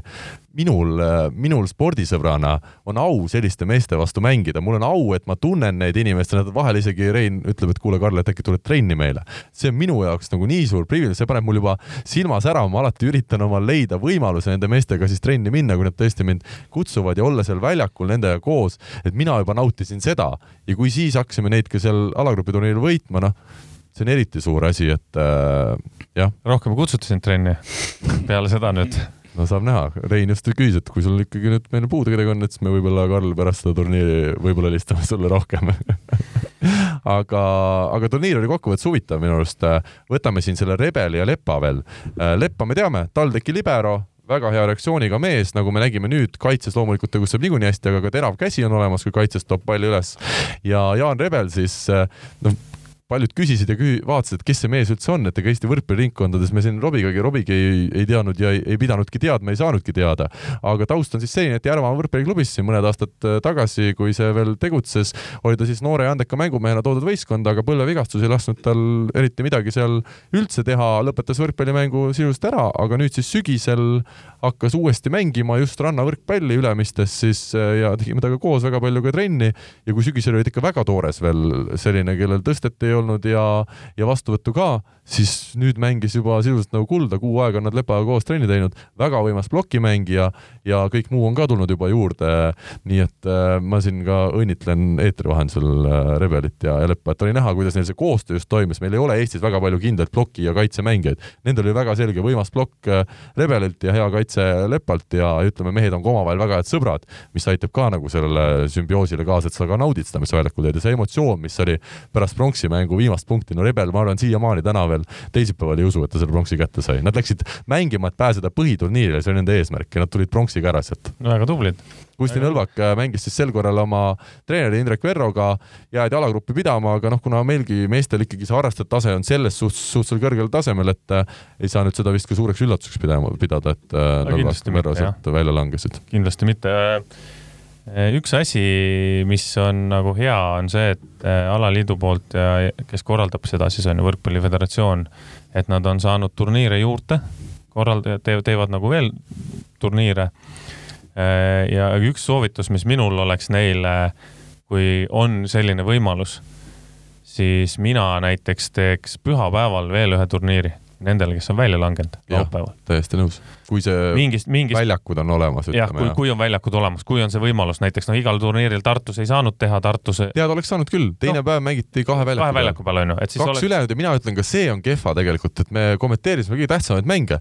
tegelikult atmosfäär oli palju parem esimesel päeval, kui kõik need mängijad, kes siis veel põhiturniiri või kvalifikatsioonis osalesid, olid kõik kohal, omal parasjagu mängu ei olnud, olid tribüünil, aga siis, kui kõige tähtsamad mängud, need, kes olid juba välja langenud, olid kõik koju sõitnud ja see atmosfäär ei olnud nagu väga hea, et see aitaks ka luua seda atmosfääri selle turniiri veel otsustavate mängude ümber. Mina, mina kui, kui vähegi on võimalus, on toetajaid ja asju, siis, siis selles suhtes ei, ei tohiks olla väga palju see nüüd tüki küljestki võtab, kui sul vabad väljakud olemas, need on niikuinii seal tühjad sel ajal ja sa ei pea mingit auhinda isegi panema, vaid las, las inimesed naudivad, on seal, ütleme selle melu no, sees kaks päeva järjest. leidmine ju ei ole probleem, ma usun, et selle Rivo Vesik annab. selle sa saad ju kuskilt ikka kätte, aga, aga et sul olekski see, et kui sa nüüd sinna teise päeva ei pääse, on ju, siis äh, siis on selline maksimum kaheteist võistkonna turniir mm, -hmm. järgmine päev uuesti ja sa saadki sealt nagu mängida edasi oma kohti, onju, või mingisugust teist just, turniiri mängida, et mm. -hmm et siis tekiks ka see situatsioon, kus, äh, kus mängijad võib-olla jääkski, ma ei tea, ööseks Pärnusse ja pärast õhtul saaks koos käia kuskil. Tartus mängiks etapp edasi, et öösel lähevad Pärnusse. umbes nii. ja siis tuleb. või, jääks Tartusse siis ühesõnaga, et äh, saime aru, jah. selge, aga ma arvan, mis Rannavallast vist hetkel rohkem midagi pikemalt rääkida ei ole. järgmine etapp äh, Haavani-Kakumäe juba siis vähem kui kahe nädala pärast. Rivo, oled sa korraldajana kohal? On jah, kusjuures Auvenis ju. peab korraldama hakkama. ei ole jah? ei ole kohal jah. järgmine nädal sa oled juba läinud ju? me läheme laagrisse. nüüd tuleb mitu saadet ette teha. teeme need variandid läbi, et juhul, kui Eesti koondis läheb kuldliiga finaalturniiril hästi, siis räägime siukse positiivse jutu, kiidame kõiki mehi, umbsõnaliselt sedasi ja siis, kui ei lähe, siis teeme selle teise versiooni. me niikuinii räägime kogu aeg niimoodi, et ai, me tahaks ikkagi, meie ka täpselt ei tea, mis siin toimub. kuule, aga võrkpallisõpru huvitab, kas Rivo Vesikut näeb väljakul ka sel suvel Eestis äh,? ilmselt ei näe Esnaga ei mängi Steniga. Sten on väga heas vormis, ma mängisin temaga. Sten on kogu aeg väga heas vormis. seda küll, jah. ta on kogu aeg väga heas vormis. seda küll. Äh, ma ei tea ausalt öelda, ma korra isegi mõtlesin, ma, aga, aga kuidagi ma ei plaani neid asju ette, sest ma ei tea, millal ma olen ja millal mind mm. ei mhm. ole ja, ja millal midagi toimub, et. me ei, see olümpia toimub, see on nüüd selge või? olümpia toimub, see peaks olema selge, jah kui ei, muidu ei toimu, siis teete seal Havenis ära? siis teeme ise Venemaal kuskil mingi, mingisugused Moskvas nüüd selle. rahvuste sõpruste mängud. selge, aga meil on nüüd aeg nõnda kaugel, et võtame ette veel kuulajate küsimused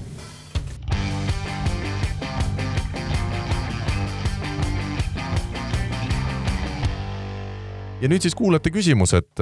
Kaspar Pomerants, tervitused siinkohal Kasparile, äärmiselt äh, osava võrkpalluriga tegu, eriti rannas ja väga head ka küsimused on tal, nii et äh, Kaspar näitab, et äh, süda on sellel mehel õiges kohas. kui kunagi Rannavalle saateni jõuate, siis mul mõningad küsimused. muidugi oleks tore, kui Rivo oleks siis ka pundis ja täna on meil Rivo pundis.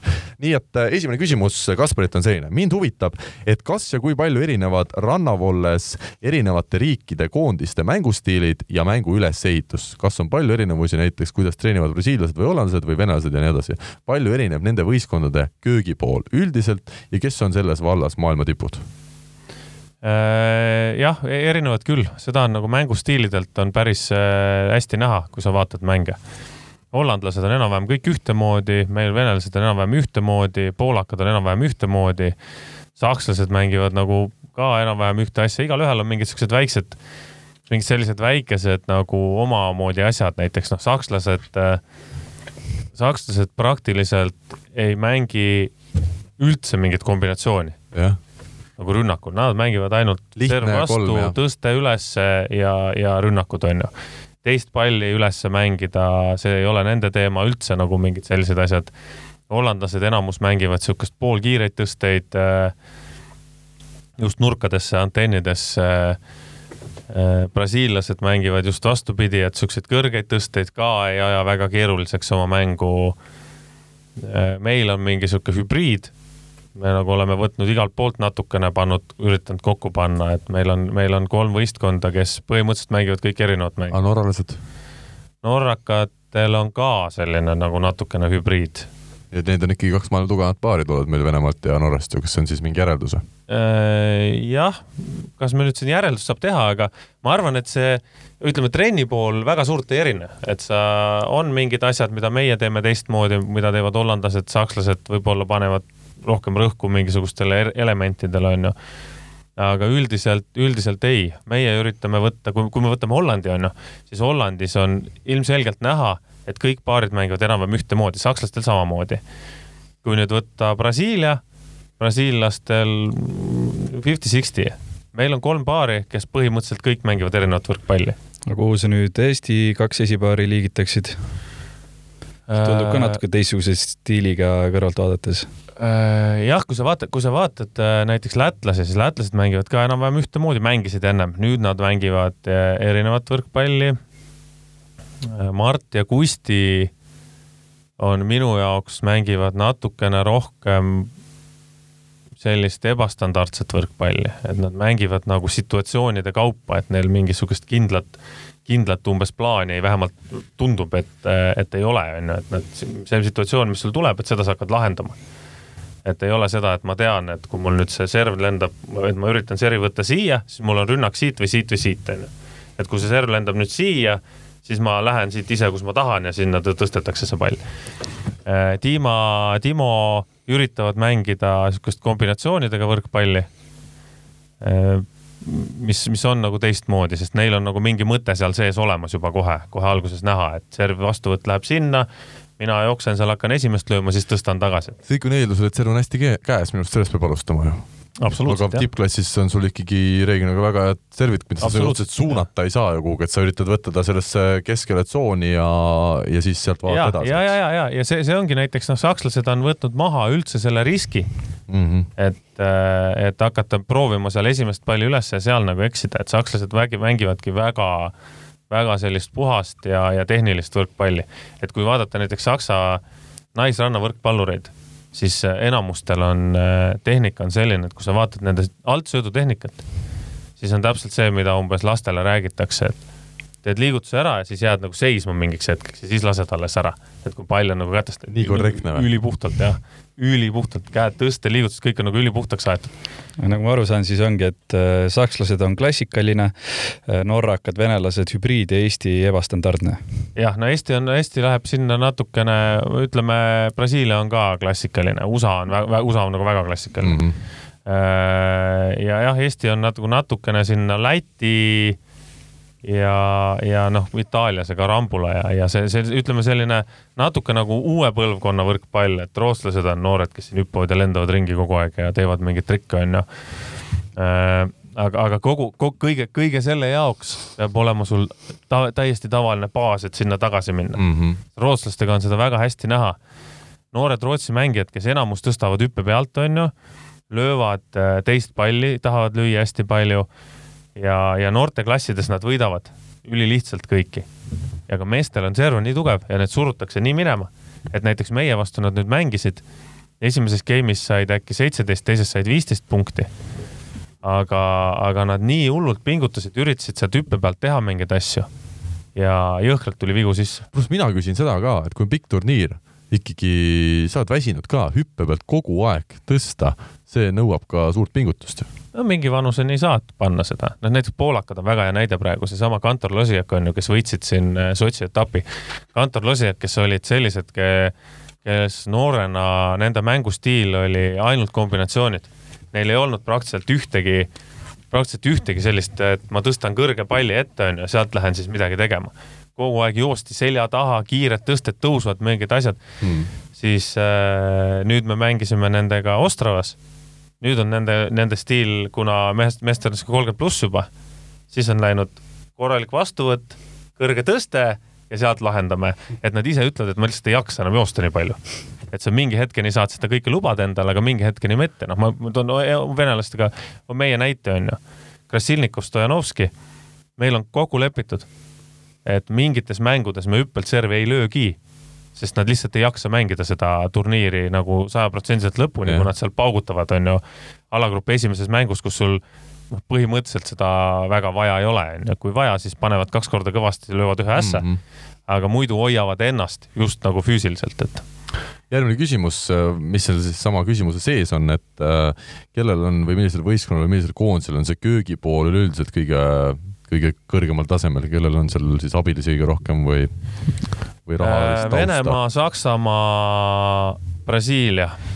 Brasiilia ka, jah? jah, Venemaa, Saksamaa, Brasiilia. Brasiilia riik või ütleme siis alaliit panustab rannavõrkpalli nii kõvasti? väga kõvasti, absoluutselt. Neil on äh, olümpiavõitjad, maailmameistrid, noh, väga-väga kõvasti, et seal on, seal ikka enne Londoni olümpiat äh, läks asi nii kaugele, et et noh, kui me vaatame brasiillaste trenni, siis on väljakul on kaks mängijat, mõnikord üks mängija, kui tehakse individuaalselt ja seitse-kaheksa liiget staff'i on ju Vaasja on siis see, kes teeb töö ära, see on see üks mängija ja. jah, ja siis ülejäänud on no, viskavad talle palli ja teevad mingeid asju äh,. siis enne Londonit äh, Emmanuel Allison võitsid Londoni olümpiamängud, ei, teiseks tulid, vabandust, sakslased võitsid äh,. oli, neil oli kaasas, oli oma kokk kogu aeg äh,, psühholoog, füsio, füüsilise treener äh,, statistik, treener ja abitreener. Nad olid äh, kahekesi ja neil oli seitse inimest oli nendega kaasas, kes nagu aitasid neid kogu aeg. kokk oli, kuna äh, Emmanuel oli siis juba sihuke ligi nelikümmend, siis Koka ülesanne oli see, et ta käis iga hommiku, iga päev ostis värskeid asju, tegi talle hotelliköögis spetsiaalse dieedi järgi süüa. ja, ja niimoodi nagu töötasid, et väga huvitav seda kuulata. Äh, järgmine küsimus siis Kasparilt, kas maailmakarikal on palju selliseid mängijaid, kes vastast ka kuidagi töötlevad ja vastasega nii-öelda sokivad, kes on kõige ebameeldiv mängija võistkond, kelle vastu sina oled mänginud äh,? absoluutselt kõik mängijad. kõik jah Üht,? ühtepidi või teistpidi nad töötlevad vastast, et äh, vilkude ja kõik igasuguste asjadega, et on kahjuks, noh nagu rääkisime, see psühholoogiline pool on ju, et see rannavõrkpall, sul ei ole vahetust, sa lähed sinna väljaku peale, siis sa, kas äh, sina tapad või sind tapetakse, on ju, ja kui sa natukene, kui keegi natukene näitab nõrka külge, siis läheb kõik sinna, kõik servid, kõik pallid, natukene ebakindlust näitad välja, kõik tuleb kohe sulle. ma võin kohe siin ka näite tuua, mida ma ka siis avastasin jälle nädalavahetusest, Meius. esimese game'i olid võitnud Meius Kais minu ja Jaani vastu, teine game algas, nad seal kohe said paar punkti ilusti kätte, Meius võimsalt ründas, hakkas juba natuke rohkem tundub, et tundma ennast veel enesekindlamalt. pärast rünnaku lõppu ütles buum mitu korda järjest. ma võin seda päris sõbralikult siin täna välja öelda, kuna Kais Meiusega ma saan väga hästi läbi ja ma usun, et neil ei ole selle vastu midagi.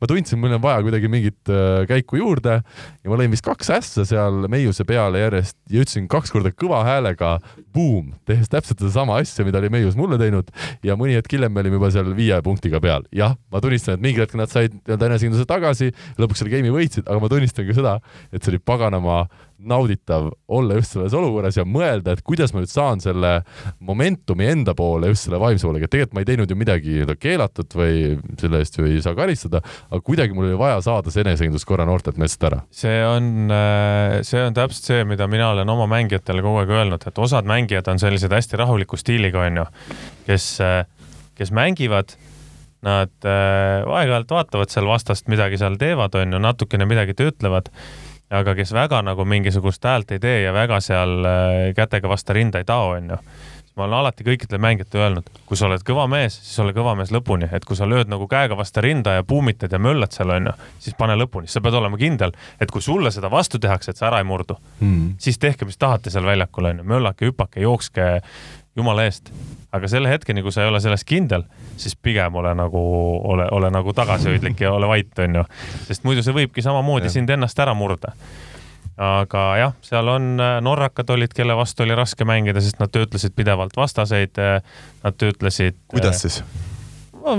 Mölisesid seal midagi, vaatasid sulle otsa ja nii edasi, nii edasi. no ma ütleks, et raske oli mängida, ma olin ise samasugune, et kui mulle keegi midagi otsa vaatas, siis ma ütlesin, et lähme parklasse kohe. umbes nii. kohtunikke töötlesid. Eh, noh, täna, täna pigem on osad mäng-, on sellised mängijaid, keda sa ei taha närvi ajada siis nad lähevad siis, siis paremaks. siis nad lähevad nagu pööraseks ära, onju. näiteks üks, üks mängija, täna ta muidugi ei mängi, oli Ricardo. mina õppisin seda, ma ei mäleta, mis turniiril see oli olin ka noor äh, uljas mees, onju. ja, ja me mängisime Ricardo Emanueli vastu jumala hästi, kõik mäng on meie kontrolli all, mingi paari-kolme punktiga seal ees, onju ja, ja panin Ricardole ploki ja ka midagi seal, midagi opa, midagi karjusin, onju. tüüp vaatas mulle korra niimoodi otsa. oot-oot-ohoo. peale järg, järgmine löök tuli niimoodi kehapettega nii kõvasti pikki piiri, mille peale ta tegi täpselt uh! ja siis oli kõik, siis oli cancel, noh, kõik, kõik, ma ei saanud ühtegi palli enam üle, mitte ja, midagi, noh, midagi. tüüp ja. lihtsalt hakkas tegema asju mm.. ja siis mingi hetk, kui äh, teise game'i lõpus pani mulle järjekordse ploki, siis vaatas rahulikult silma, ütles opa. selge, see mees on see, kellega tuleb olla sõber väljakul. järgmised mängud kõik kätt ilusasti, rahu, rahu. sa oled, sa oled tubli, sa oled tubli, ära närvitse et osad on sellised, kes nagu, kui sa ta käima tõmbad, siis teda pidurdada on üliraske mm. -hmm aga, aga jah, töötlemine käib pidevalt mingil tasemel, mingit moodi on ju. ja sellisel hetkel on ta minu arust ka kõik nagu, see ei ole nagu halb. see on okei okay,, see on okei okay., see, see on see osa käibki, mängust, see, see on osa ja. mängust, seal ei lähe nagu ropusteni, seal ei lähe mingisuguste keegi ei ropenda teise, keegi ei ja. tee mingit ebameeldivat asja. aga, aga, aga sa mingis, mingis, mingis mõttes pead seda tegema. sa pead nagu sa ütlesid, seda tegema. muidu teeb seda teine sinuga. absoluutselt, sa pead seda tegema ja kui sa ära murdud, siis siis kahjuks kaotad, ei ole pingi pealt kedagi võtta. saali võrkpallis on üks sihuke mees, keda keegi närvi ei julge ajada, Simon, et luubetempo ründajat võite jälgida ka tulevikus mänge, et kui keegi Simoni seal kinni saab, et uh, uskuge mind, keegi seal ühtegi nägu teisele poole ei tee arvata võib, noh, nad on, brasiillased on üldse sellised mehed, kes sa vaatad, niikaua kui nad mängivad vaikselt niikaua kui nad mängivad vaikselt tasakesi, see on väga hea. see on sinu võistkonna vastaseks on ainult, ainult pluss, pluss, onju ja nii kui tuleb esimest korda sealt siis on cancel siis läheb, siis läheb mölluks, et, äh, et nad on siuksed temperamentsed, tahavad nagu üles tõmmata rohkem. ja väga põnev. kui läheks äh, läbi teie saates arutades rannavalve klubide süsteem, siis kes oleksid huvitavad mängijad, keda tahaksite koos mängimas näha, nimetada kaks-kolm tükki. me oleme siis arutanud seda kunagi, et äh, klubide süsteem võiks olla Eestis ka rannavõrkpallis, et kes siis oleks need mängijad, no mina, ma täna küll Kais Meiust mainin väga palju, aga, aga praegu näidatu põhjal uuel hooajal nad mängivad koos TalTechi saalivõrkpallivõistkonnas, aga vaadates nende tulevikku, mulle küll tundub, et need on mõlemad ikkagi rannavõrkpalli potentsiaaliga mängijad pigem. Äh.... see on nüüd minu lihtsalt kaks nime, ma, neid nimesid on kindlasti veel ja palju.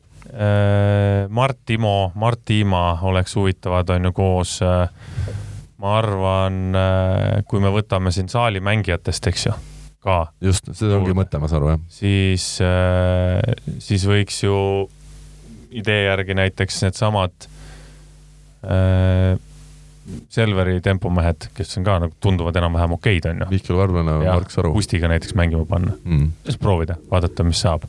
on ju, et kui nad trenni teeksid, et nad on täpselt siuksed kujud, kes võiksid mängida, ma nüüd pea, pea poolt ei tea. et sa vaatad praegu just seda, et kes oleks potentsiaalne plokimängija, et see ikka maailma tipus peaks olema selge üks plokimängija. jah mm -hmm., jah Robert Täht tahaks ka Oliver Vennoga mängida tegelikult. Täht, Venno oleks väga huvitav paar.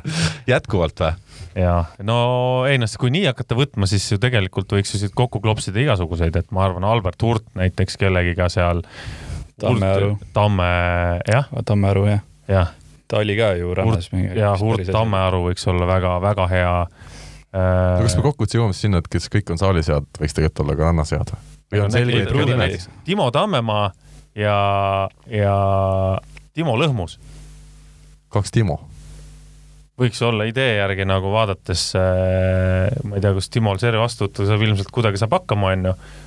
peenike kutt, liigub normaalselt kiiresti, plokk on okei okay ja mängisin Timoga siin Resovia selle ettevalmistusperioodil, et, et oleks eeldanud, et seal tuleb tümmi ka ja ikka paneb, paneb laksu oma kõrguse pealt, aga, aga ei, see mees ainult klõbistas terve mäng.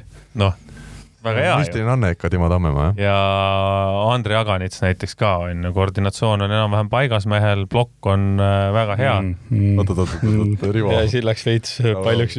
nii palju, kui mina mäletan, enam okei okay.. Sorry, Andrei, jah. aga saab ju igasuguseid asju kokku klopsida, on ju. ja, aga plokk on Andril jah, me siin eelmine aasta tegime niisama, mina võtsin venna ja tema võttis siis oma äh, elukaaslase venna äh, Rauno Haidla paariliseks ja siis mängisime ja Andri Andri plokk rannas tõesti on väga-väga ebameeldiv, et.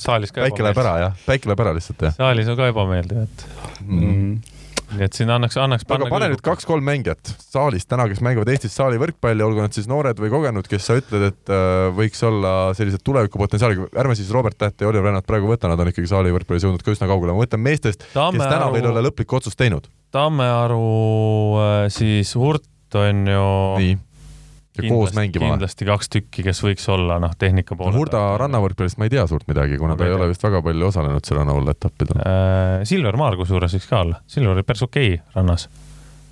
nii palju, kui ta mingeid Pärnu etappe, kui ma nägin, mängis, ta oli täitsa tipp-topp, et ta kas ta väikseks ei jäänud ma maailma mõtlen see tippu? rünnaku teema, et see mees on see, et kui vastu võtta trenni teeme, et siis ta ei taha sinna puki peale isegi minna, et seda õlga sinna panna, et, et vot noh, seda ei tea jälle, seda, see on jälle trenniga, nii, nii kui me nüüd räägime mingist klubist. Oota, aga Meius Kais- paneme. sa ütled Tammearu Hurt on Meius ikkagi nii palju jah? ei no aga kaks-kolm, sina pead ütlema kaks-kolm. Meius Kais on niikuinii, Nad on niikuinii sees jah ja.? igal pool, kus sa kutsud, olgu või Veenus. sinna nad saavad ka sisse, nad on nüüd kaheksateist mõlemad ammu juba täis. siis äh, Tammearu Hurt. ja kes veel võiks olla? on jah, neid nimesid. näiteks äh, see. Tristan Täht või? Aita mul öelda nüüd ma just ütlesin. sa äh,., sa pead Talt, TalTechi nurgaründaja mm,, pikkade juustega, Viidalepp. jah, Tamur Viidalepp. ilma naljata, Tamur Viidalepp on väga okei okay rannas, pole näinud, ei oska kaasa No rääkida. mina olen miks näinud, ta ei mängi etappe siis? mina ei tea, küsige tema käest. liiga hea. minu arust on üldse küsimus, et miks paljud, kes saalis mängivad, ei mängi mida nad suvel teevad? needsamad varblased ja, ei, ja no aga võtame, võtame hooaeg on läbi ju, aprillis sai läbi ju. meil on maikuu olnud aega puhata. see aprill sai ju ka, osadel sai ju aprilli alguses juba millalgi läbi. kaks kuud on ju puhkust olnud. puhkus, kas see siis lähebki suve lõpuni või? tead, see minu, mina, ma arvan, et see, kas on inimesel sees või ei ole. Kui Robbie ütles, et noh, nemad ju isegi kui väike koondise paus oli, nad käisid kuskil Tartus mängimas, ükskõik mm Mhm. -hmm. kvalifikatsioon, mida iganes, onju.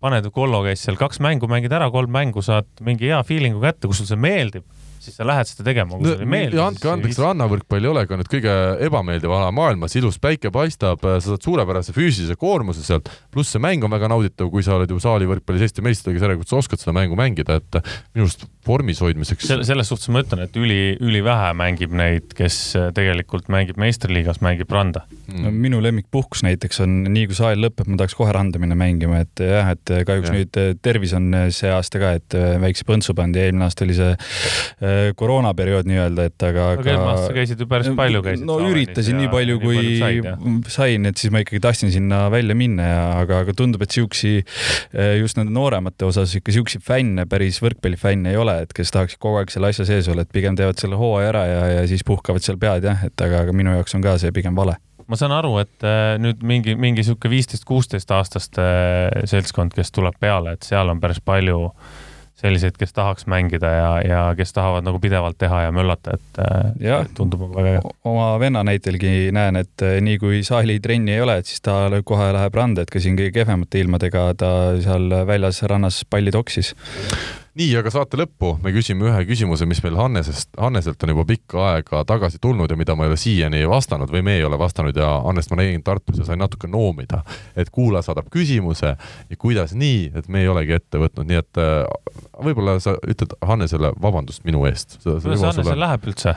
ma ei- oli kohal kas tervis on korras? kaks jalga, kaks kätt No. ja oli otsas, väga okei okay., palume sügavalt Hannes vabandust ja, ja Karl Rinaldo kompenseerib sulle selle kindlasti, rahaliselt. kindlasti. suur summa on Kuidas laekumas Hannese pangakontole äh, me ju kõik teame seda, et äh, teenida pool miljonit tuleb ainult natuke vaeva näha. ja kopter, ja kopter võiks olla on igal, igal normaalsel tööd tegeval eestlasel. jah, vähemalt üks, no vähemalt üks muidugi. pere peale üks on ju. ei no kui on suurem pere kaks, ega sa ei mahu ühte kopterisse ära ju. nojah, üks, isa, sa isa läheb trenni ja ema viib lapsed lasteaeda no. ja palju kiiremini saab. no muidugi, muidugi, kui kõik hakkavad ostma, siis läheb natuke liiklus võib-olla laiaks. Ei no mis, ei no Mustamäe korteris muidu üheksakordsed need majad, eks ole, seal on igalühel katuse peal seitse kord kopterit, see, liiklus on okei okay,, õhus on ruumi küll. seda küll jah. erinevad kõrgused.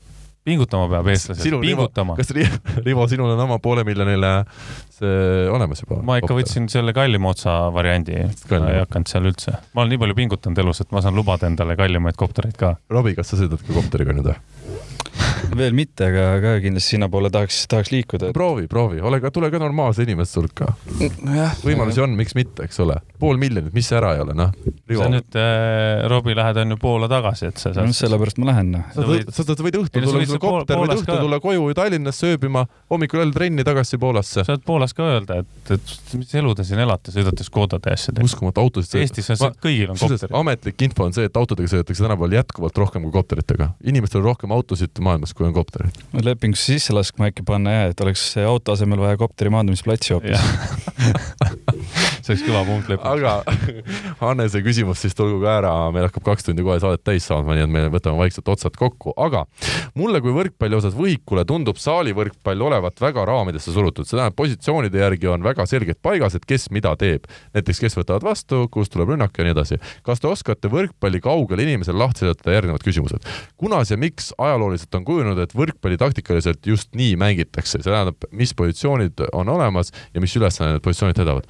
no kokkuvõttes lihtsalt on targad inimesed äh, ala arenedes saanud aru, et nii nagu praegu, kus sul on väga erinevad äh,, erinevate rollidega mängijad, on kõige parem lõpptulemus, see on vist kõige lihtsam lõppvastus lihtsalt või? see on ehtne küsimus, mis sobib Alar Rikbergile, kes siin juurdleks selle Just. teema üle pikemat aega, ma arvan, et aga, aga ja nii on välja kujunenud ja, ja hetkel see toimib, et keegi pole paremat lahendust reeglite, et äh, reeglite piiridesse jääda, ei ole suudetud parimaid, äh, paremat lahendust välja, välja leiutada. miks on just nii taktikaliselt mõistlik mängida, miks ei mängita lihtsalt nii-öelda freestyle võrkpalli, et kõik võiks kõike teha, noh, freestyle võrkpall on meil Eestis ka muidugi tuttav äh, väljend teatud aega tagasi, aga nojah, sama vastus, noh, kui sul on ikkagi kujunenud välja selged äh, rollid, millised mängijad sinna keskele, keskele sa ei paneks, ole liberat ründama, sa oled kõige pikema, kõige võimsama mängija no kui see toimiks, siis praegu ja. kindlasti keegi oleks selle nii-öelda välja mõelnud, aga ju siis, ju siis see täna ikkagi ei toimi ja toimib nii, nagu need asjad on. ja mis on teie arvates saalivõrkpallis järgmine oluline taktikaline uuendus? vot see on hea küsimus see on jälle Alar kindlasti, tal on juba valmis nüüd järgmine aasta Tartu Bigbanki, vaadake järgmise aasta Tartu Bigbanki mänge ja seal on see olemas. No kõige värskem, mis on nüüd tekkinud, äh, mida me nägime ka Eesti koondise esituses, on see, et äh, kui sidemängija puudutab esimesena palli, siis seda teist palli ei tõsta enam libero, mida tehti siin tükk aega tagasi, et meil ka koondises äh, Rikberg kogu aeg raitsis, kogu aeg tõstis seda teist palli, et pigem nüüd suundub, suundub võrkpall sinna, et positsioon kuus ehk nurgaründaja läheb seda palli tõstma, teeb ka selle löögi pette seal, et seda plokki meelitada õhku endaga ja siis võib-olla kas siis ise ründab või tõstab selle palli edasi ja see on siis, põhjus on selles, et tal ongi see rünnaku nii-öelda võimalus olnud seal jõu sees, sa natuke ikkagi üritad vastaste plokki segadusse. no täpselt, et kui libero tõstab, siis on üsna selge, et eh, noh, kui kahese saab sinna kindlasti ette ja tõenäoliselt ka kolmes, et Rikberg üritas, ma mäletan veel hästi kiirelt sinna lühikest vahemat selja taha visata,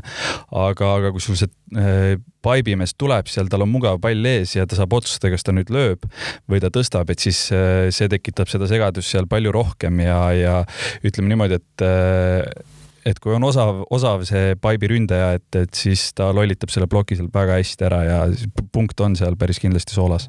ma arvasin, et äh, Robbie ütleb hoopis seda, et mida nägime Eesti koondises ka, et kõige uuem taktikaline muudatus on see, et Treial tuleb lõpus servima igas võistkonnas kusjuures. tervitame Henrit siin ja soovime talle tagantjärele palju õnne. ma usun, et äh, meil on aeg tänane saade kokku võtta, Rivol, äh, see kiire päev on jätkumas ja juba varsti tuleb olla Haaberstis, aga lõpetuseks ütlen nii palju, et Kloogaranna vollefestivali tasub jälgida, kuna ise selle korraldamisega kolm korda nädalas olen tegemistes ja, ja ütleme, see on see, mille pealt nende turniiride korraldamisega me sel suvel selle Võrkpalli kahekümne nelja portaali ja selle saatega püsime elus, vastasel juhul mina hetkel ei teaks, mis, mil moel see portaal üldse olemas oleks, siis kutsun kõiki osalema turniiridele ja, ja anname endast parima, aga Rivo ja Robert, suur aitäh teile osalemast, väga meeldiv äh, kaks tundi. loodan, et selliseid vestlusi tuleb meil ette veel ja veel. olge tublid ja ilusat suve jätku teile, kaks meest. tšau. tšau, tšau. ja kuulajatele ütleme aitäh samuti ja loodetavasti siis kuulmiseni juba järgmisel nädalal. Eesti kõige põnevamad podcastid on Delfis, kuula tasku.delfi.ee